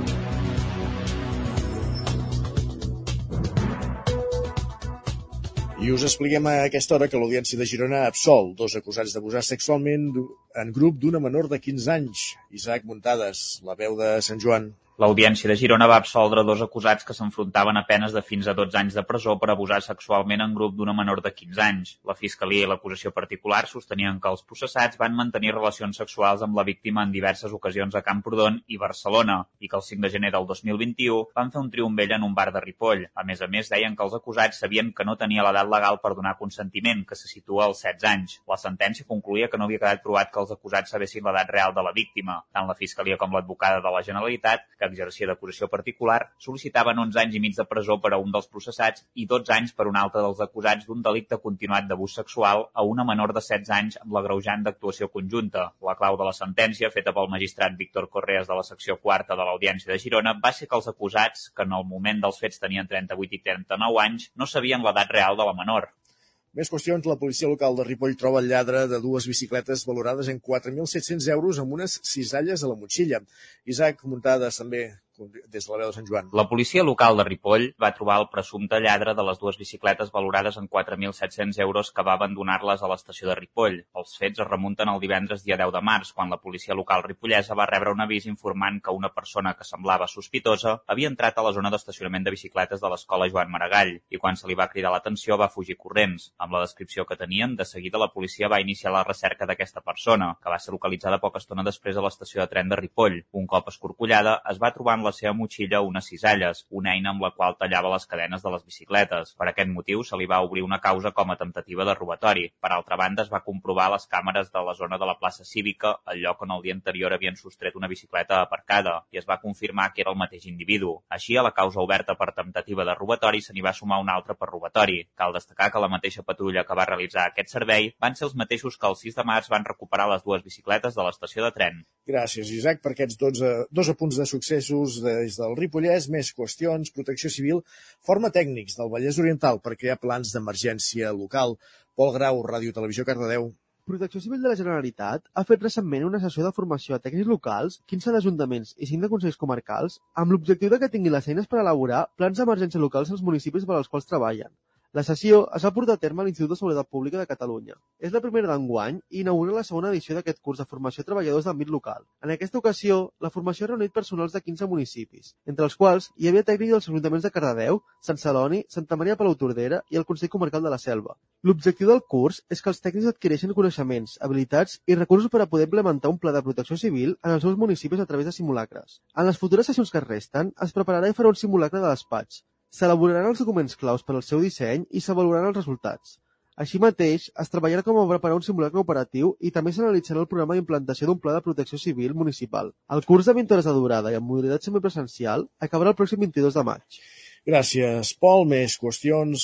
Anem a la comarca d'Osona, obrim plana política, menys de dos mesos i mig per les eleccions municipals. L'actual alcalde de Sant Julià de Vilatorta, Joan Carles Rodríguez, que alhora és el president del Consell Comarcal, explica els motius pels quals no optarà a la reelecció. D'aquesta manera, Rodríguez tancarà una etapa de 12 anys d'alcalde i 4 de president del Consell Comarcal. En una entrevista al Nou TV ha explicat aquests motius pels quals plega. Plego per motius ideològics, perquè som republicans i creiem que per les institucions hi ha de passar tothom, i perquè és la manera de fer participar a tothom de les institucions, i plego també perquè tenim a la Cristina Sunyent, que és un actiu de l'equip Fent balanç, Rodríguez espera que la construcció de la nova biblioteca continuï avançant deixem fetes moltes coses, uh, no? Uh, potser abans de les eleccions del, del 28 de maig, uh, home, la biblioteca uh, està avançant a marxes forçades. Tot plegat, Rodríguez s'acomiadarà amb un mandat marcat per la recollida de residus, la posada en marxa de l'empresa pública d'aigua o l'escola del Rose. Gràcies, Sergi. Com bé deia Joan Carles Rodríguez, serà Cristina Sunyent qui el substituirà al capdavant de la candidatura de, D'acord, per Vilatorta i Vila Lleons. Més qüestions. El taller d'art municipal Manolo Huguer de Caldes de Montbui, al Vallès Oriental, ha impulsat una nova proposta educativa enfocada a infants i adolescents amb necessitats educatives especials. Roger Rams, Ona Codinenca. Sí, ho fa a moda de prova pilot i sota el nom d'Aula d'Art. Aquesta idea va sorgir l'any 2021 per part de l'actual directora del taller d'art Manol Huguer, Yolanda Molina, que explica per què el projecte no ha vist la llum fins ara. I en principi era una idea difícil de desenvolupar per qüestions sobretot pressupostàries i organitzatives. Uh, no obstant, bueno, aquest 2023 s'han donat les condicions per, don, per poder desenvolupar aquest projecte de forma pilot i gràcies a la demanda d'un grup de famílies de Caldes amb infants amb necessitats educatives especials i també a la conjuntura favorable a nivell organitzatiu, doncs hem pogut oferir dos grups per a aquests infants Molina explica quines tècniques i disciplines es treballaran en aquesta primera edició del taller d'art per a alumnes amb necessitats especials i com seran aquests grups de treball. En aquesta aula es faran projectes tant en pla com en volum, basats en aspectes com el treball psicomotriu o la sensibilització sensorial, eh, en un espai eh, que serà doncs, eh, lúdic i segur per a aquests infants. El màxim d'alumnes serà de 5, 5 persones. La principal diferència amb els tallers que ja ofereix el taller d'art Manolo Hugué és que els alumnes d'aquest curs no canviaran de professors i tampoc d'espais de manera constant, com sí que fan els altres cursos, per tal de reconfortar el seu ambient de treball. I es diferencia de, de, la, de la proposta de taller d'art convencional um, per ser doncs, una proposta que es fa, es du a terme només en una sola aula i sense intercanvi de professorat. Uh, aquests uh, infants uh, tindran una persona, una única persona docent com a referent i estaran en un espai segur que mai, mai canviaran. Uh, en canvi, per exemple, doncs els, els tallers que nosaltres proposem per a infants es basen en una política d'intercanvis les sessions d'aquesta aula d'art tenen lloc els dimarts i els dijous entre les 7 i les 8 del vespre. Gràcies, Roger. Més qüestions. Comença l'embassament de Sau, dispositiu per treure peixos, mesura que ha de preservar la qualitat de l'aigua la, a l'hora que s'accelera el buidatge cap a l'embassament de Susqueda, Sergi Vives. Ahir ja es van portar les primeres barques de tipus pelicà al pantà de Sau perquè a partir de dimecres comencin a retirar peixos de l'embassament. Ara es troba al 10% de la capacitat i l'objectiu és evitar mortalitats massives amb la reducció d'oxigen pel buidatge cap a Susqueda, un fet que tindria efectes negatius en la qualitat de la poca aigua que hi ha a Sau. La directora de l'àrea d'execució d'actuacions de l'ACA, Elisabet Mas, ha avançat que mentre l'aigua sigui de bona qualitat, es continuarà amb el transvasament. Podria representar el consum d'un milió d'habitants durant tres mesos. I en la situació d'escassetat de recursos que tenim amb la sequera gravíssima que estem patint, doncs aquest, evidentment, és l'objectiu principal de l'actuació. La, S'anirà controlant la qualitat de l'aigua en tot moment, de manera contínua, i el que determinarà fins on s'arriba serà la, la, la, el possible empitjorament de la qualitat. Mentre la qualitat de l'aigua sigui bona, es seguirà fent el trasbassament. Els peixos es retiraran i se sacrificaran, ho explicava el responsable d'espècies exòtiques i projectes de conservació del Departament d'Acció Climàtica, Jordi Ruiz. Si nosaltres no fem res a partir d'avui, aquests peixos, si no entra aigua, si no plou, es moriran igualment. No es poden agafar els peixos i portar-los a una altra conca així lliurement, sense control. Cada cop que mous un peix hi ha un risc sanitari. Si en mous milers i milers, i a més a més els portem perquè uns peixos els portaríem un lloc, uns peixos els portaríem als altres, realment apareix un, un, un problema greu. Per tant, per, per motius sanitaris també és recomanable no moure aquests peixos a altres conques per no afectar els peixos de les conques originàries. Estem obligats a sacrificar aquests peixos, no els podem transportar enlloc més. Avui s'acabaran de baixar al pantà la resta de barques que portaran a terme les tasques durant aproximadament un mes i mig. Aquestes dues seran més grans i pescaran amb xarxes a més profunditat i no es descarta portar-ne una cinquena per fer pesca elèctrica. Una altra embarcació està calculant la quantitat de peixos total que podria rondar les 50 o 60 tones. Es preveu que se'n retiri més d'una tona cada dia. Pràcticament tots els peixos que habiten al pantà de Sau corresponen a espècies invasores. N'hem parlat amb Marc Ordeix, director del Centre d'Estudis dels Rius Mediterranis de la Universitat de Vic. Algunes de les espècies invasores són el silur, la gambúcia o el peix gat. Altres espècies invasores, aquestes però naturalitzades, són la carpa, el carpiu el peix sol. En canvi, les espècies autòctones són l'anguila, el valp de muntanya, la truita i la bagra. Ordeig ha explicat per què són aquestes les espècies que habiten al pantà de Sau. Els peixos que hi ha al pantà de Sau, ara mateix, eh, pot ser que hi hagi algun individu d'alguna espècie autòctona, alguna truita, algun barb, alguna bagra, eh? però la seva gran majoria, diria el 99% o més, eh? segurament més del 99%, eh? són espècies que han arribat a través dels pescadors, a través d'orígens diversos, perquè no són espècies pròpies d'aquí, i això val per totes les espècies foranes, fins i tot eh, per la carpa o altres espècies com els carpins que estem més acostumats a veure de fa molts anys. Per altra banda, Ordeig explica que la sequera té un impacte directe en la biodiversitat dels rius. Les aigües perden qualitat i posa perill, en perill algunes espècies. Estan públiques les dades econòmiques de l'última edició del Mercat Medieval de Vic. El seu impacte econòmic a la ciutat va ser de 29,3 milions d'euros. Exactament segons un estudi encarregat per l'Ajuntament de Vic. D'aquests 6 milions i mig van repercutir directament en l'economia local. Per cada euro invertit va generar un retorn de 127 euros. En global, el mercat va atraure més de 240.000 visitants durant els 4 dies, dels quals un 33% visitaven l'esdeveniment per primera vegada i d'aquests un 71% no havia estat mai a Vic. El públic valora amb una nota mitjana un 7, d'un 7,93 l'esdeveniment i 9 de cada 10 visitants van manifestar la intenció de tornar-hi. Més de la meitat dels visitants van ser de l'àrea metropolitana, un 20% de Vic i comarca i un 14% de la província de Girona.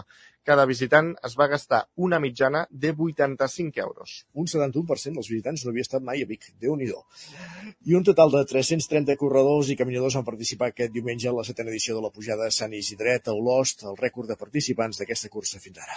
El podi masculí de la cursa de 22 quilòmetres el van formar Nil Coromines, Oriol Requena i Jordi Pujol, i el femení Esther Puig, Laura Aumatell i Meritxell Bonet.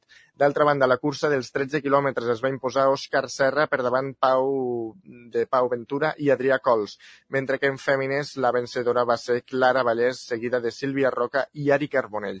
Pel que fa als millors atletes locals de la cursa llarga, ho van ser Marc Muntades i Alba Font, i a la curta Jordi Arola i Elisabet Solanic. També hi va haver un altre triomf olostenc, en aquest cas en la classificació per equips, ja que el vencedor va ser el Club Excursionista Via Fora. Gràcies, Sergi. Acabem aquí aquest repàs informatiu que començàvem a les 10 i un minut en companyia de Sergi Vives, Pol Grau, Roger Rams i Isaac Muntades. Moment al territori 17 d'escoltar Pepa Costa.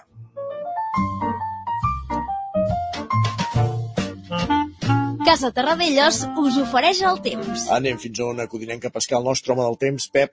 Quin temps farà avui? Bon dia. Molt bon dia. Aquest front que ens has convert aquesta nit ha deixat alguna precipitació com al Pirineu, molt poca cosa. El nostre Pirineu d'un litre a dos com a molt. eh, bé, gairebé inexistent, però sí que ha obert la porta a uns aires una mica més freds. I aquesta nit ja s'ha notat.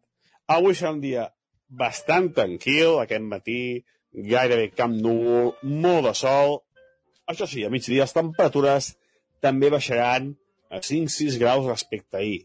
Ahir vam superar els 25 graus, avui els costarà bastant arribar als 20. La majoria màximes entre 16 i els 18 graus, unes temperatures molt més normals per l'època de l'any. De cara a la tarda pot créixer alguna nuvolada i fins i tot alguna precipitació a la zona del Montseny i les Guilleries, eh, sobretot. Eh, cap al Pirineu també no és, no és impossible que, que caiguin quatre gotes. Hi ha la possibilitat, eh? No és segur ni de bon tros. I si cau la precipitació, seran, com deia, quatre gotes. Sempre puja inferior a 5-6 litres. Per tant, ja veieu que serà molt, molt, molt poca cosa. Els vents continuen de, de, de nord, nord-est, una mica més freds, i això fa que la temperatura baixi. Baixarà una mica respecte a ahir, però bueno, no, no fa fred de bon tros, eh? Seran unes temperatures ja bastant normals per l'època de l'any. La setmana pinta bastant tranquil·la, només al cap de setmana hi pot haver un, un front una, una mica més actiu que et pot deixar una mica més de puja, però ja veurem, perquè al final aquests fronts s'acaben desintegrant i no deixant gens de puja. Moltes gràcies, fins demà. Adeu. Gràcies a tu, Pep. Fins demà. Casa Tarradellas us ha ofert aquest espai. Territori 17. Envia'ns les teves notes de veu per WhatsApp al 646 079 023. 646 079 023. WhatsApp Territori 17.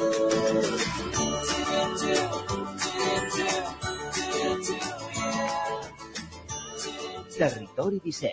Som a Facebook, Twitter i Instagram amb l'usuari Territori 17.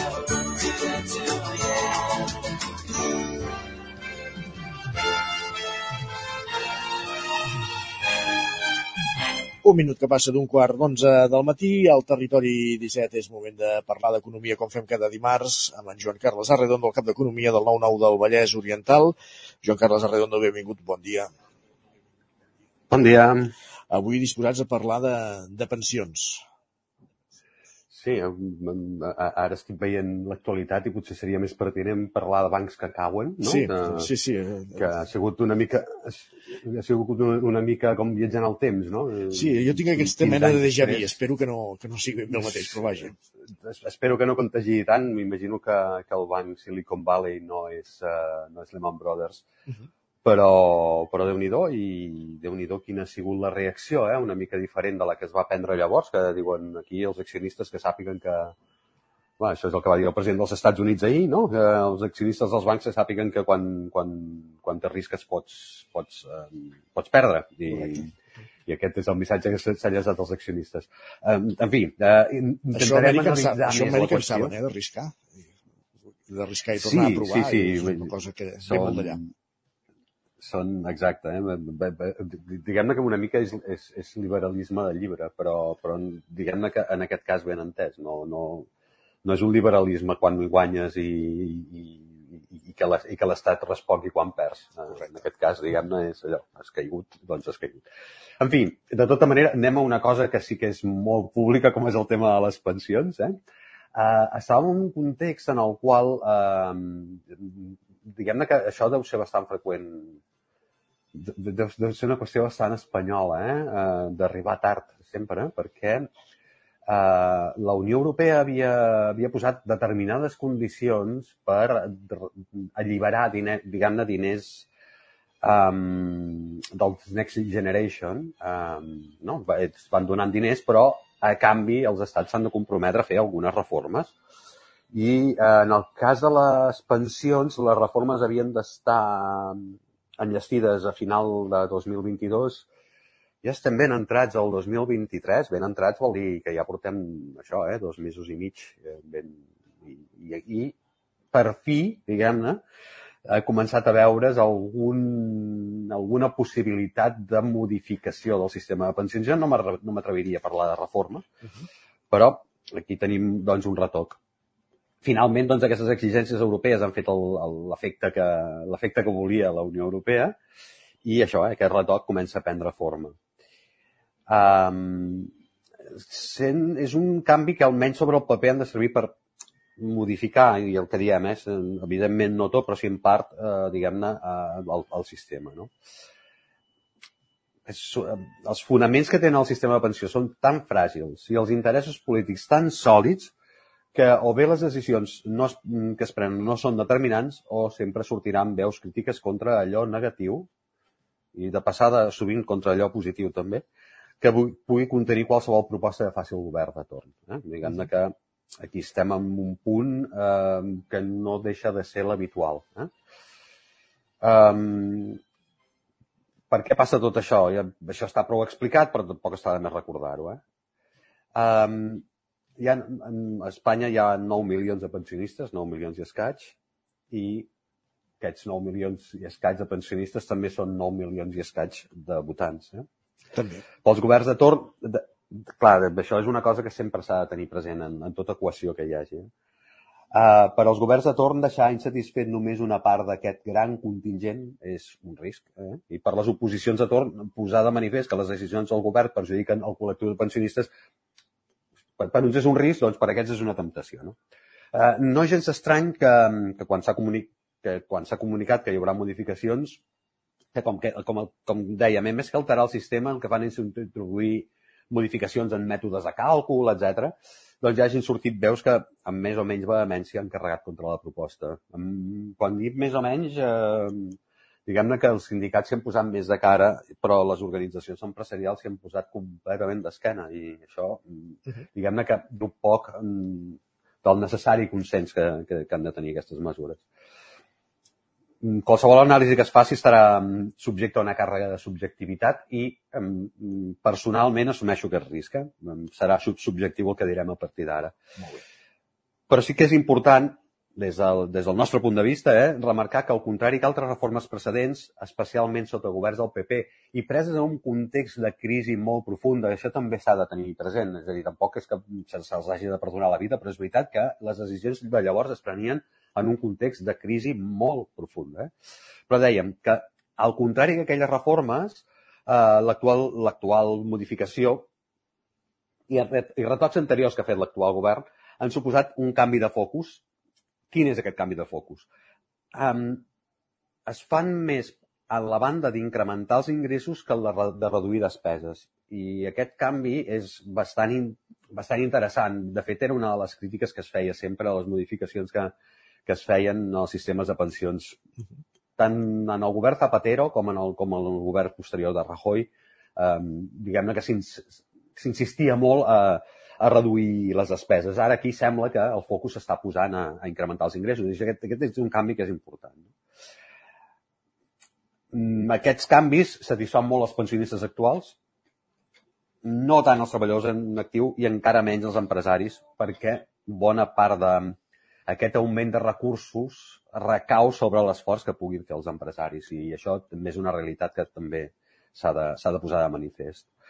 Eh, El marc general del sistema de pensions, en canvi, canvia poc. Eh? Les pensions actuals els paguen els treballadors, les paguen els treballadors actuals amb les seves cotitzacions, això ja sabem com funciona, i com que les reformes re- precedents han suposat sobretot el manteniment del poder adquisitiu de les pensions, eh? això de, que es va tornar a posar l'IPC com a, com a mecanisme de, de càlcul, calen molts més diners per fer front als pagaments de, de les jubilacions. Tot plegat en un context en el qual les piràmides d'edat mostren que cada vegada hi haurà més pensionistes, sobretot quan es jubili la generació del baby boom. Estem ja en aquest punt i això passarà en els anys successius. Però també passa que el canvi tecnològic farà menys necessaris alguns treballadors en actiu. Eh, aquest ha estat un dels problemes, no l'únic, eh, però un dels problemes de l'actual sistema. Davant d'aquesta evidència s'ha optat per incrementar els ingressos a partir de eh, augmentar les aportacions dels salaris més alts.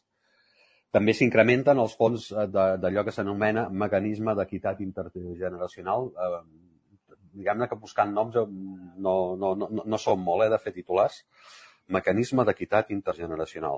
Doncs això, això és una quota extra que paguen majoritàriament les empreses i en part els treballadors eh, uh -huh. perquè la Seguretat Social disposi d'estalvis per als temps eh, que això, eh, que, que jubilen els baby boomers. Mm, qualsevol haurà vist que la seva nòmina, sí.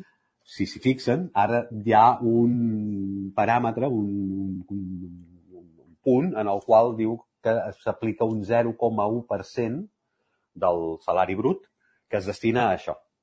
Això és el que paga el treballador. El que paga l'empresa un 0,5%. Eh? Eh, I què passarà? Doncs que això progressivament s'anirà duplicant fins a arribar a un punt, eh? em sembla que estem d'aquí a, a certs anys, però s'arribarà a un punt en el qual això arribarà a ser, ara és un 0,6, arribarà a ser un 1,2, que voldrà dir que l'empresa paga un 1% i el treballador d'un 0,2. Diguem-ne que aquí sí que és veritat que als empresaris els, els recau molt bona part del, del diguem-ne, d'aquests creixements, no? Sí. I llavors, la, la mesura estrella, eh? s'estableix la possibilitat que el còmput d'anys que cada jubilat pugui comptabilitzar-se per cobrar la pensió en la seva totalitat, eh? sigui de 25 anys de carrera professional, eh, això és el que és actualment, i ara pot arribar a ser de 29 descomptant els dos menys favorables. Eh? és veritat que durant un temps, fins al 2044, si no vaig errat, cada pensionista podrà escollir quin és el que li, li és més favorable. Aquests canvis tenen el risc d'incidir en la generació d'ocupació. Per això dèiem que home, els empresaris han de fer un esforç important. No? Almenys així és com ho veuen els representants empresarials. De fet, si per cada treballador que tingui en plantilla de desemborsar més diners en cotitzacions, eh, arribarà a un punt que haurà de renunciar a alguna incorporació per poder pagar aquests diners a més. Aquest és un argument, un argument senzill de comprendre, més senzill de comprendre que, que d'argumentar. L'empresariat espanyol està molt acostumat a posar el crit al cel per cada cos laboral, eh? Sí. Passa cada vegada que, que s'incrementa el salari mínim interprofessional, per exemple. No? Està molt més disposat a, a queixar-se pels costos laborals que per fer aportacions clares per augmentar la productivitat, que quan dèiem que no era l'únic problema aquell, eh? doncs aquí tenim un problema, és que no creix, no, no creix la productivitat. No? Tot plegat en un moment en el qual, de fet, els creixements dels beneficis empresarials estan clarament per damunt dels salarials. Això també és una qüestió a posar, a posar de manifest. No? Una vegada més, el govern ha optat per, per fer unes, algunes reformes del sistema, però no per plantejar alternatives més radicals. Eh? Uh, sempre passa eh, que, que això de les pensions acostuma a ser la patata calenta. Eh? Intenta sí. solucionar el problemet i passar-li en el següent govern. Eh?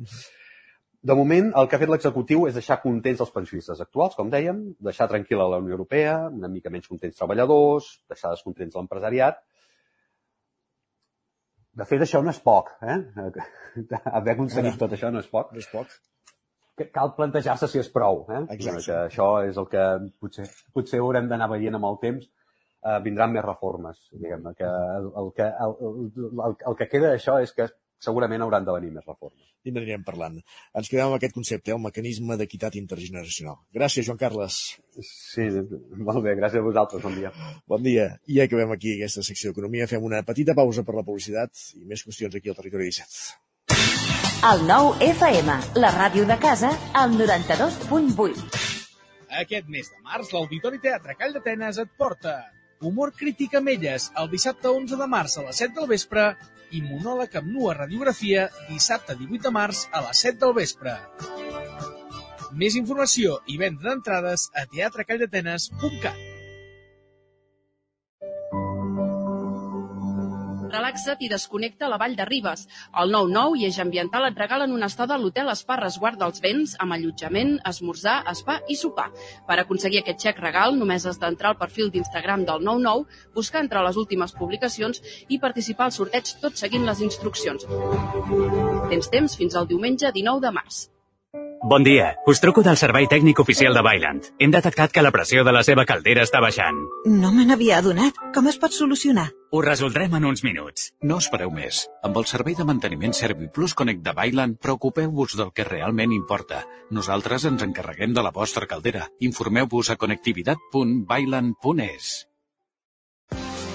Cefosol, centre de formació de soldadura BURC. Som especialistes en processos de soldadura disposem d'instal·lacions totalment equipades per a classes de teòrica i pràctica amb cabines individuals i equipaments de seguretat. Assessorem empreses i oferim cursos subvencionats i bonificats. Vine i t'informarem. Cefo Sol, som al carrer Sant Roc, número 9 de Gurb. Telèfon 664 206 192. També ens trobaràs a cefosol.com i a YouTube. Boi Galtés trobaràs tot el que necessites relacionat amb l'equitació, t'assessorem i t'equipem amb tot el que et faci falta. Som especialistes. No ho dubtis i vine a Boi Galtés. Ens trobaràs al carrer Jaume I de Vic, número 5, al 93 886 1420, a la nostra web www.boigaltés.es i també som a Instagram, boigaltés.equitació. El 25 de març arriba l'Ubic Fest, les portes obertes de la UBIC convertides en un festival. Coneixeràs tots els graus i cicles, rebràs orientació universitària i viuràs emocions que et posaran la pell de gallina. Inscriu-t'hi ja a ubic.cat barra JPO presencial. El dissabte 25 de març vine a l'Ubic Fest, unes portes obertes que et posaran la pell de gallina. Ser a prop vol dir veure les coses més bé. Apropa't al que t'interessa amb la xarxa Més. La teva plataforma audiovisual de qualitat, proximitat i gratuïta. Gaudeix dels continguts de més de 30 televisions locals i podcast quan, com i on tu vulguis. Entra a la xarxa més.cat i descarrega't l'app. El nou FM, la ràdio de casa, al 92.8.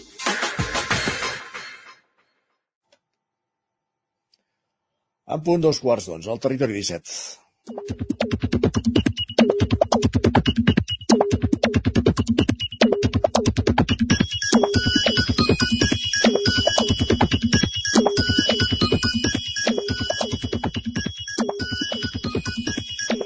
I dos quarts d'onze al territori 17 és sinònim també de Guillem Sánchez, aquí ja saludem un dia més. Benvingut, Guillem. Gràcies, què tal?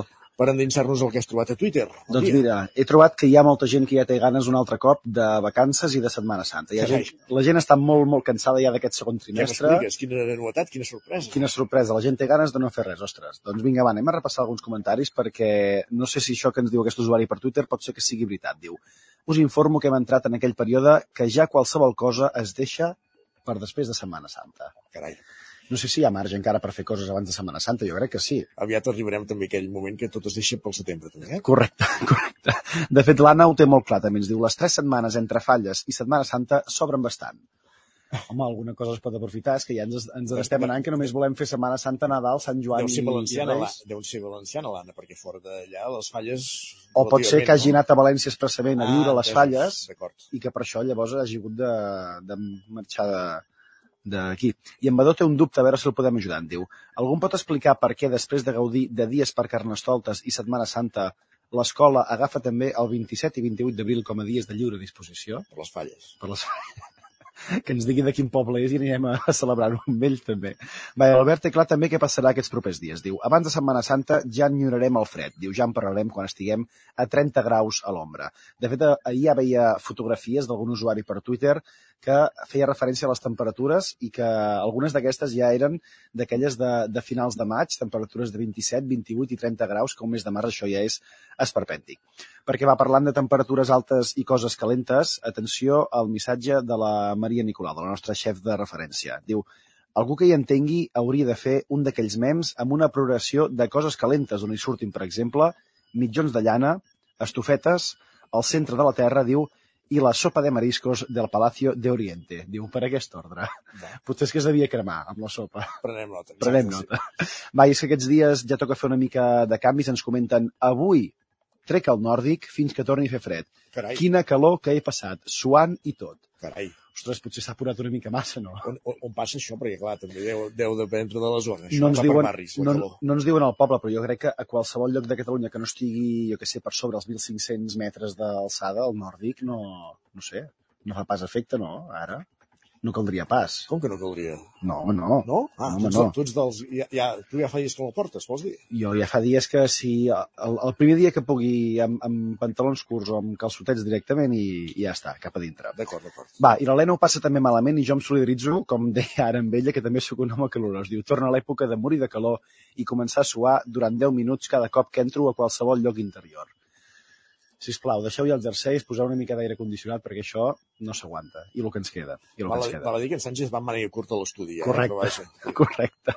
Va, i la Clàudia obre també un meló interessant en aquest sentit i perillós de comentar a la vegada per xarxes. És el següent, ens diu Quina calor que fa, tres punts, i que malament que olora la gent de la meva classe. Que malament que olora. També la frase està una mica mal construïda, eh? Bastant força, sí. Ai, però va, canviant de tema perquè en Jaume està preocupat per una altra qüestió. Hi ha gent per tot. Ens diu, m'he tallat, atenció, amb una esquela. Quants anys de mala sort és això?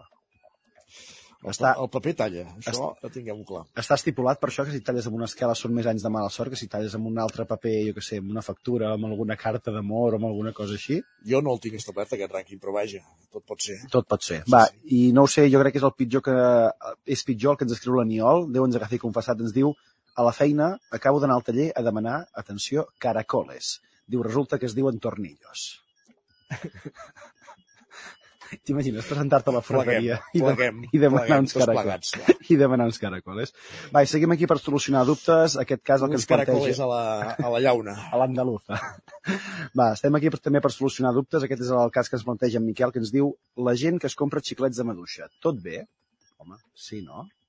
Els que es compren xiclets de maduixa deuen pensar el mateix de tu que dels compres de menta o de clorofila. Per exemple. Va, I acabarem amb una reflexió molt bona en aquest sentit, que és la d'en Quim, que ens diu ara que he dit xiclet, jo durant un temps vaig pensar que xicle en castellà era com boli, una manera col·loquial d'abreujar la paraula correcta, xiclete. I així els demanava jo a les botigues regentades per castellans. Diu, molt ben educat. Un xiclet és un bolígraf? No, bueno, ho deia en el sentit de dir escurço la paraula perquè hi deu haver alguna de més llarga que deu fer referència a això. Tu t'imagines anar a una botiga i dir ponme quatre xicletes de maduixa, per favor? Naranja o cristal? Naranja o cristal. Gràcies, va, Guillem. Va, a repassar, que vagi bé. Fins demà.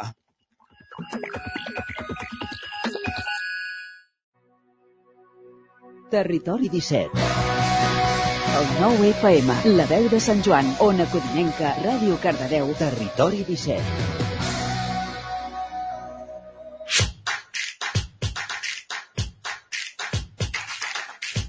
Gairebé 6 minuts que passen de dos quarts d'onze del matí al Territori 17. És moment de Territori Dona. Saludem primer que tot la Maria López, als estudis de Ràdio Televisió Cardedeu. Benvinguda, Maria. Molt bon dia, Isaac. I efectivament, a ritme d'aquests timbals de batalla, arriba un dimarts més al Territori Dona, la secció crítica oficial del Territori 17, que busca cada setmana posar de manifest el masclisme imperant a la nostra societat, el que és evident, però també el que ens queda una mica amagat en petites dosis. I avui al Territori Dona, i encara amb la ressaca del 8M, volem parlar de lideratge femení. No és cap secret que a la majoria de les empreses la presència femení- femenina és mínima en càrrecs directius. I anem a posar-nos el dit a la llaga nosaltres mateixes. Només fa falta anar a un dels infolocals que fem a la xarxa o qualsevol reunió on ens haguem de trobar directors i directores de ràdios i teles per veure com de desproporcionat és el tema. Aquella barrera invisible que anomenem sostre de vidre és una metàfora absolutament perceptible que dificulta a les dones arribar a posicions de responsabilitat, tot i tenir un background d'estudis i experiència molt treballat. Però quin és el motiu existent encara ara en ple segle XXI perquè segueixi predominant aquesta manera de fer i atorgar càrrecs? Què podem fer per trencar amb la tendència a incrementar el nombre de dones en posicions de lideratge?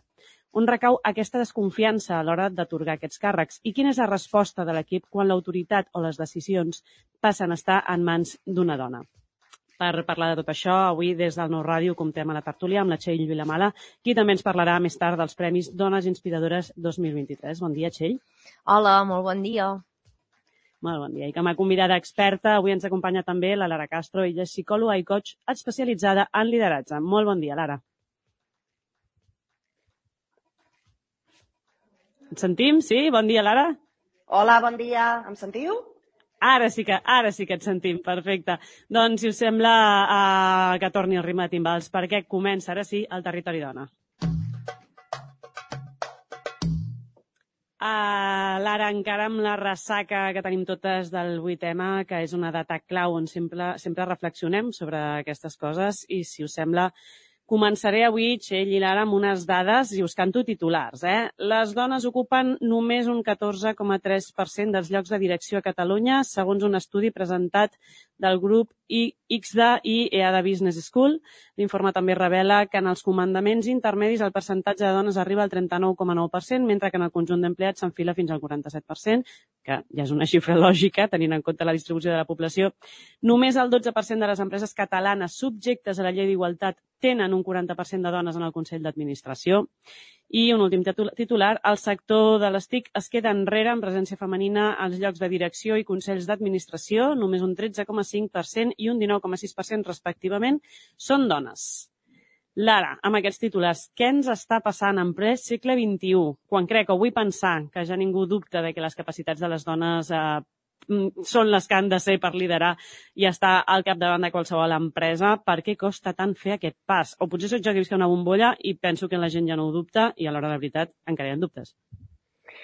Bé, jo crec que um, és, no és qüestió tan sols de dubtes de que les dones siguin o no siguin capaces de liderar, és que encara tenim un tap ben fort generacional als punts de, de lideratge, als punts de direcció dintre de les empreses. Pensa, Maria, que les, les, les posicions de, de lideratge, de direcció dintre de grans empreses uh, no només catalana, sinó a nivell mundial, a nivell espanyol, a nivell mundial, uh, tenen generacions, la generació de gent que ara està complint els 50, 60 anys, i aquesta gent, que òbviament normalment són homes, estan fent aquest tap uh, perquè les dones puguin ascendir. Llavors jo vull pensar que no és una qüestió de, de, de dubtar de si les dones o no tenen capacitats de lideratge, perquè ho estem demostrant cada dia, a cada pas, sinó que vull pensar també i sent positiva que quan aquesta, aquest tap es desintegri eh, i comencin a jubilar-se aquestes persones que estan fent ara, estan, que estan ocupant aquests puestos directius, llavors és quan començaran a ascendir aquestes dones preparades per ocupar aquests, aquestes posicions. Què passa? Que eh, eh, arrosseguem molta història, Maria. Uh, no és una qüestió d'ara, del que està passant ara mateix, sinó que a nivell històric, a nivell, a nivell generacional, uh, portem molts anys d'alguna manera uh, fent-nos dubtar la societat, ens ha fet dubtar de les nostres pròpies capacitats de lideratge. Per tant, estem, no només que la societat té aquest tap amb nosaltres, amb aquest, amb aquest aspecte femení del lideratge, sinó que nosaltres mateixes també estem fent tota aquesta feina de poder uh, dir ben alt, alçar la mà i dir, ei, nosaltres també som capaces de liderar i ho farem uh, d'una manera diferent, potser millor, perquè, però no millor o pitjor perquè perquè ho fem eh, eh, en, en, en termes de, de bé o de malament, sinó perquè la societat evoluciona cap a un lloc on el lideratge femení eh, i la manera de liderar, que ja després si vols ho parlem, la manera de liderar um, les dones és completament diferent i la societat és el que ve necessitant. Per tant, uh, tenint en compte que arrosseguem molta història i que hi ha taps uh, directius que ens impossibiliten aquesta, uh, aquesta ascensió o aquesta, o aquesta capacitat de poder assumir aquests, aquests puestos de, de direcció, uh, jo tinc fe, Maria, que dintre de molt poquet començarem a veure dones molt potents ocupant tots aquests càrrecs de direcció que ara mateix estan ocupats per homes. Uh, ja ho avançaste una mica ara, que de fet era la següent cosa que et volia preguntar, no? Com a experta com a coach expert en temes de, de lideratge, ja ens avançaves ara, sembla que les dones i els homes generalitzant liderem de maneres diferents. De, de quines maneres diferents i per què creus que la societat tira cap a aquesta necessitat de lideratge femení? Mira, fixa't, um, ens, ens, si, si tirem enrere a la història, que totes les respostes... Jo, jo, jo tinc un pare que és, és una passada perquè en sap molt d'història i sempre, sempre m'ha dit que qui no coneix la història està condemnat a repetir-la. Això què vol dir? Que totes les respostes estan a la història. Um, què passava uh, quan les dones es quedaven a les, a les cavernes i els homes sortien a caçar?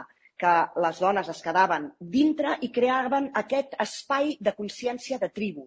Elles, o sigui nosaltres, i ho seguim tenint perquè ho tenim dintre de la genètica, liderem amb aquesta consciència de tribu que el que ens permet és tenir una visió molt més sistèmica del lideratge. És a dir, nosaltres tenim consciència i som capaces d'atendre moltes més coses que tenen a veure amb la relació humana. Per, la, per, per tant, les dones que es quedaven dintre les cavernes havien de cuidar els nens, preparar el menjar, assegurar-se que la caverna estigués més o menys calenteta per quan eh, tornés l'home amb el menjar, assegurar-se de que el foc no s'havia eh, estava en el, en el moment precís per quan l'home tornés es pogués crear aquest espai de cuina dintre de la caverna, etc etc. Tota aquesta consciència sistèmica que el que fa és enllaçar un munt de punts que tenen a veure i donen prioritat a la connexió eh, interpersonal és el que jo penso que ens diferencia a l'hora de liderar. I a les empreses ho veiem molt. O sigui, um, quan una dona lidera, li dona molta importància en aquesta part emotiva, en aquesta part de lo que a les empreses es diu engagement. No? Um, de fet, i per què dir que ara és el moment del lideratge femení, les empreses ara mateix estan totes i cadascuna tirant a la importància de les persones i de l'engagement amb les persones. No només de les persones que conformen les organitzacions, sinó de com nosaltres, des de dintre de l'organització, ens eh, connectem, ens interrelacionem amb els nostres clients, de fora de les organitzacions. I tot passa per aquesta connexió personal. Les dones, um, per aquesta consciència de tribu que t'estic parlant, ens és molt més fàcil uh, crear aquestes connexions personals amb els altres des d'una emocionalitat que uh, ens permet després que la relació professional sigui molt més consistent, perquè ja sabem que quan hi ha una connexió personal, la professionalitat i el vincle professional es dona molt més fàcil i serà molt més efectiu i molt més exitós. Per això penso que en el moment en el que estem ara, a nivell de societat i a nivell d'empreses, el lideratge femení és el que ens pertoca eh, per poder, d'alguna manera, guiar la societat cap a un lloc eh, que ens convingui a tots. Uh, tu que treballes en moltes empreses uh, o, o d'alguna manera fent acompanyaments en aquest sentit uh, com a coach, consideres que el, el, els equips a nivell dels treballadors estan preparats actualment, eh? parlo, és dir, tenim una idea al futur, que, que crec que, que passa una mica per aquest canvi generacional del que parlàvem, però estan preparats els equips per admetre i acceptar dones líders, dones caps? O acaba passant allò que em sembla que passa massa sovint, i si no és així em corregeixes, de que qui dona la cara és un cap masculí, però qui té el costat darrere gestionant uh, els equips humans és una dona en moltes ocasions. Uh, hi ha una frase que m'encanta que diu que uh, anònim sempre és una dona. Llavors, si ho lliguem la teva pregunta amb el que, amb el que hem parlat al principi, no? que hi ha aquesta barrera generacional de càrrecs de directius que són homes, um, sí, està passant molt que l'home eh, dona la cara i la dona és la que lidera des de la consciència de tribu. Eh, en quant a la por, el lideratge femení, jo crec que tornem-hi, és una qüestió generacional. No veig ara a les empreses por al lideratge femení quan les persones són més jovenetes. És a dir, um, jo, per exemple, que estic treballant uh, com a responsable de formació i desenvolupament d'una gran multinacional, estic veient-ho molt. Um, es tendeix a preferir un lideratge femení quan els equips són més joves i estan més conscienciats d'aquesta necessitat de relació interpersonal. Per tant, no, no hi ha por al lideratge femení, hi ha molta consciència de que les dones som eh, molt més que capaces de liderar el mateix que estan liderant els homes, ni millor ni pitjor, des d'una altra perspectiva i en, en, en base a uns altres conceptes. I això em dona moltes esperances, Maria, perquè al final, quan veig el, aquests equips que tenen, o, o, o tenen molt més engagement amb aquests líders femenins o les dones, i per, i per posar exemples molt clars, les dones als, a, les, a les reunions d'equip que fan, uh, les reunions d'equip són superpoderoses perquè hi ha molt component personal. I quan dic personal, no és que ens sortim de la professionalitat. Les dones som capaces d'ajuntar la professionalitat amb, amb, amb lo personal i d'aquí extreure aquesta relació exitosa a nivell professional. No?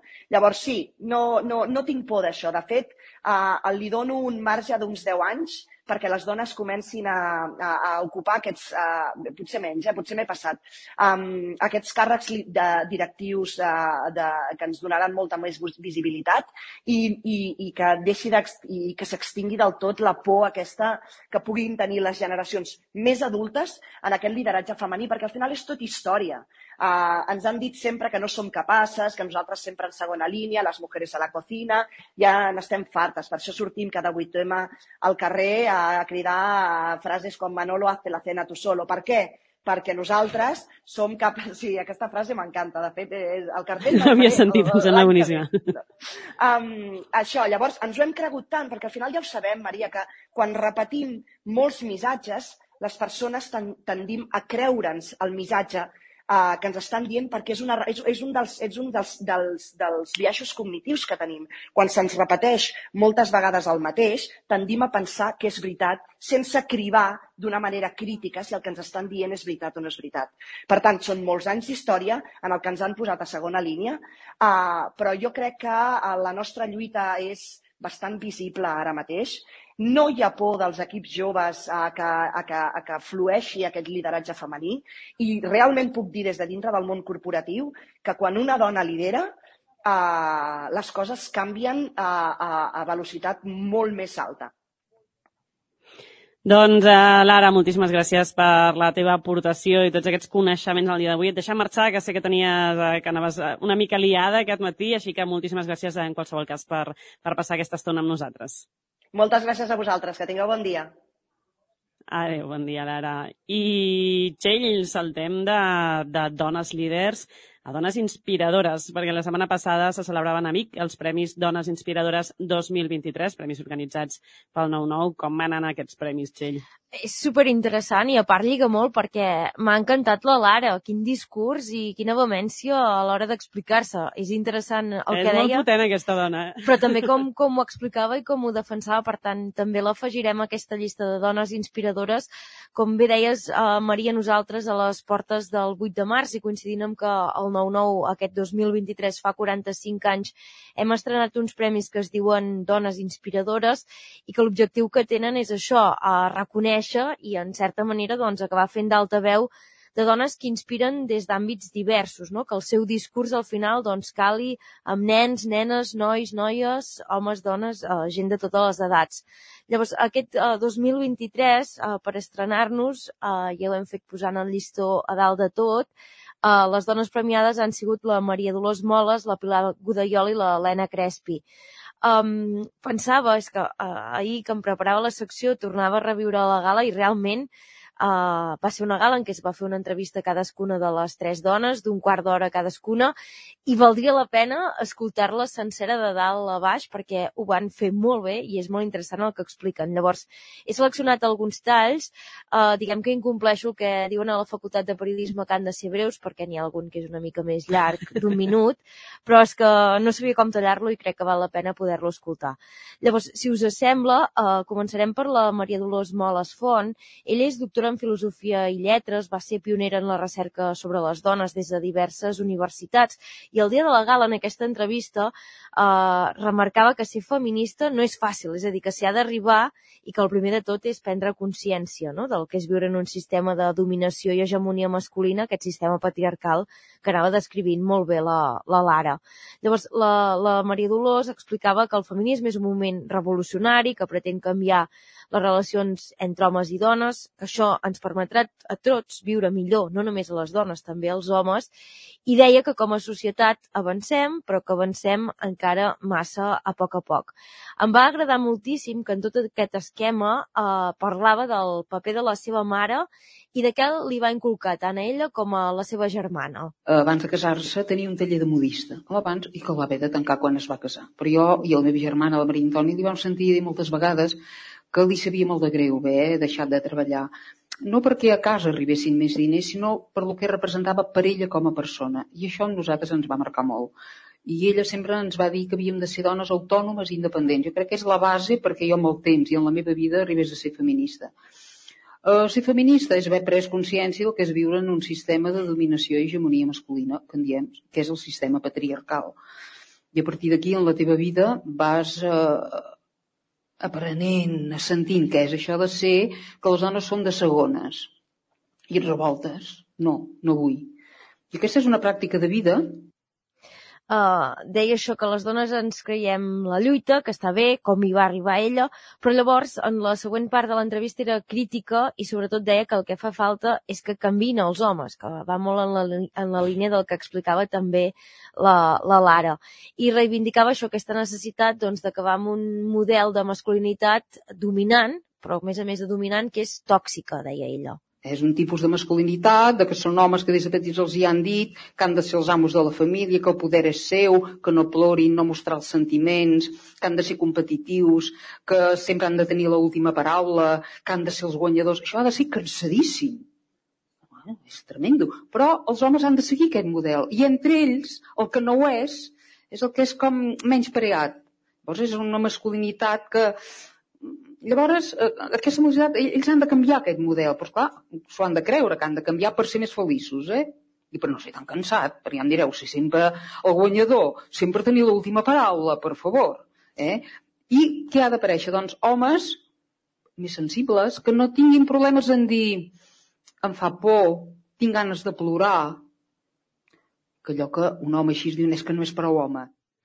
Ell assegurava doncs, que eh, en aquest canvi de model la palanca de canvi ha de ser l'educació i precisament qui en sap molt d'educació va ser la segona homenatjada, és la segona homenatjada en aquests Premis Dones Inspiradores, la catedràtica en literatura Pilar Godaiol, ella va fundar el Centre d'Estudis Interdisciplinaris de Gènere de la Universitat de Vic el 1999. També des de dos anys més tard coordina un grup de recerca en estudis de gènere i explicava que quan elles van començar a caminar eh, eren el reducte feminista, el grup de les dones. No eren ni investigadores ni acadèmiques que tractaven estudis de gènere, no? sinó el grup de les dones directament. Sí que explicava que la sort és que amb els temps les universitats catalanes doncs, han evolucionat molt positivament, que les carreres incorporen la perspectiva de gènere i que és de, des d'aquests grups de recerca també es treballa de valent per tenir-la sempre present. Amb el que es va mostrar més crítica, i lliga moltíssim amb el que deia la Lara, és amb la composició de les estructures de poder a la, universitat, el, el, la branca més acadèmica, més de recerca, hi ha moltes dones també. Eh? Per això moltes. és necessari que les dones també portin gestió eh? en, en la universitat, em refereixo. Eh? Ara, també és veritat que arriba un punt que potser les dones doncs, la gestió s'estimen més fer recerca, eh, és, és, és, és complexa, és complexa. I l'altre tema també que potser, això també està, eh, està eh, amb dades es pot comprovar que, clar, per exemple, catedràtics i catedràtiques, eh, tu mires, normalment sempre hi ha més catedràtics que catedràtiques. Eh? I llavors, eh, en tercer lloc, eh, en, aquesta, en aquests premis de les dones inspiradores, hem reconegut l'Helena Crespi, ella és psicòloga, sexòloga i terapeuta de, de parella. Va ser contundent, l'Helena és contundent, de fet la podeu seguir a Instagram, és molt interessant sempre el contingut que publica. Ella ressaltava que el feminisme ens salva de caure molt més avall i feia un sí però no, deia que avancem, però bueno, mm, d'aquella manera i depèn d'on posem el focus crec que ara mateix la paraula feminisme està en boca de molta més gent. Crec que estem en una onada important del feminisme, on hem picat molta pedra i ens en queda molta per picar, està clar. Um, però a mi em fa por que sigui un bluff. Jo vaig amb la por de dir, molt bé, ara sí, però uh, depèn del, de la xarxa amb la que em moc, no? Clar, jo tinc com diferents bombolles en la meva vida i en algunes de cop i volta veig que la diversitat i el feminisme està sempre a les converses i que canviem coses i veig famílies que eh, crien amb, amb corresponsabilitat, que per mi seria algo com molt bàsic, però després surto d'aquesta bombolla i veig que no, que la majoria de famílies eh, heterosexuals encara és la dona la que porta la batuta de tot a casa sense cobrar, que aquest mite de la superwoman del podem amb tot eh, és una enganyifa que fa que eh, anem com molt collades. Eh, arribes als instituts i veus que hi ha esperança, és a dir, hi ha un sector possiblement de noies i persones que segurament es mouen amb orientacions i identitats dissidents que estan allà batallant, però el grup dels cromanyons, en dic jo, estan allà al fons. Joves, adolescents. Adolescents joves, eh, 11, 12, 13, 14, fins a... No sé, potser el batxillerat canvia una mica, però estan allà al fons i no en són dos, no en són tres, potser en són 10 o 15. M'encanta, Maria, acabar amb aquesta decla de l'Helena que diu el mite de la superwoman que pot amb tot és una enganyifa és boníssima, m'encanta, la paraula enganyifa està molt bé, i també m'ha encantat, i així ho fem rodó, el, el que deia la Lara, no? que darrere d'un anònim sempre hi ha una dona. M'ha semblat brutal, o sigui, deixem-ho apuntat. Frase. Totalment, i aquesta amb la que tancaves tu també m'ha semblat uh, super, super interessant, veritat, uns talls molt interessants, jo que l'he pogut veure perquè me l'has passat l'enllaç, la veritat és que va ser una, una entrega de premis molt, em va semblar molt bonica i a més això és per quedar-te mirant-la i, i escoltar un, aquests discursos. Així que moltes gràcies, Txell, per portar-nos aquest petit resum del que va ser aquesta, aquests premis Dones Inspiradores. Gràcies. I avui, si us sembla, per tancar. Gràcies, gràcies, perdona, Txell. Per tancar el territori dona d'avui farem també una ullada a la ressaca dels Enderroc i a, altres, a tres donasses trencadores i inspiradores també que es van dur el premi de la crítica a l'àlbum de l'any. Parlem de Marala i el seu disc J de Morir. Així que avui us deixem amb el single que porta aquest mateix nom, J de Morir, i us recomano també que si podeu escolteu el discurs que van fer aquestes tres donasses a l'entrega dels premis Enderroc. Així que tornem al rellò cap a Vic i tancarem el territori 17 d'avui. Mai m'amor tota sola, no m'implorarà ningú. Guardaré les llàgrimes per poder... I com bé deia la Maria, que veiem al territori 17 d'avui, tornem demà. Gràcies per ser-hi, bon dimarts. Territori 17, un magazín del nou FM. La veu de Sant Joan, Ona Codinenca i Ràdio Cardedeu amb el suport de la xarxa.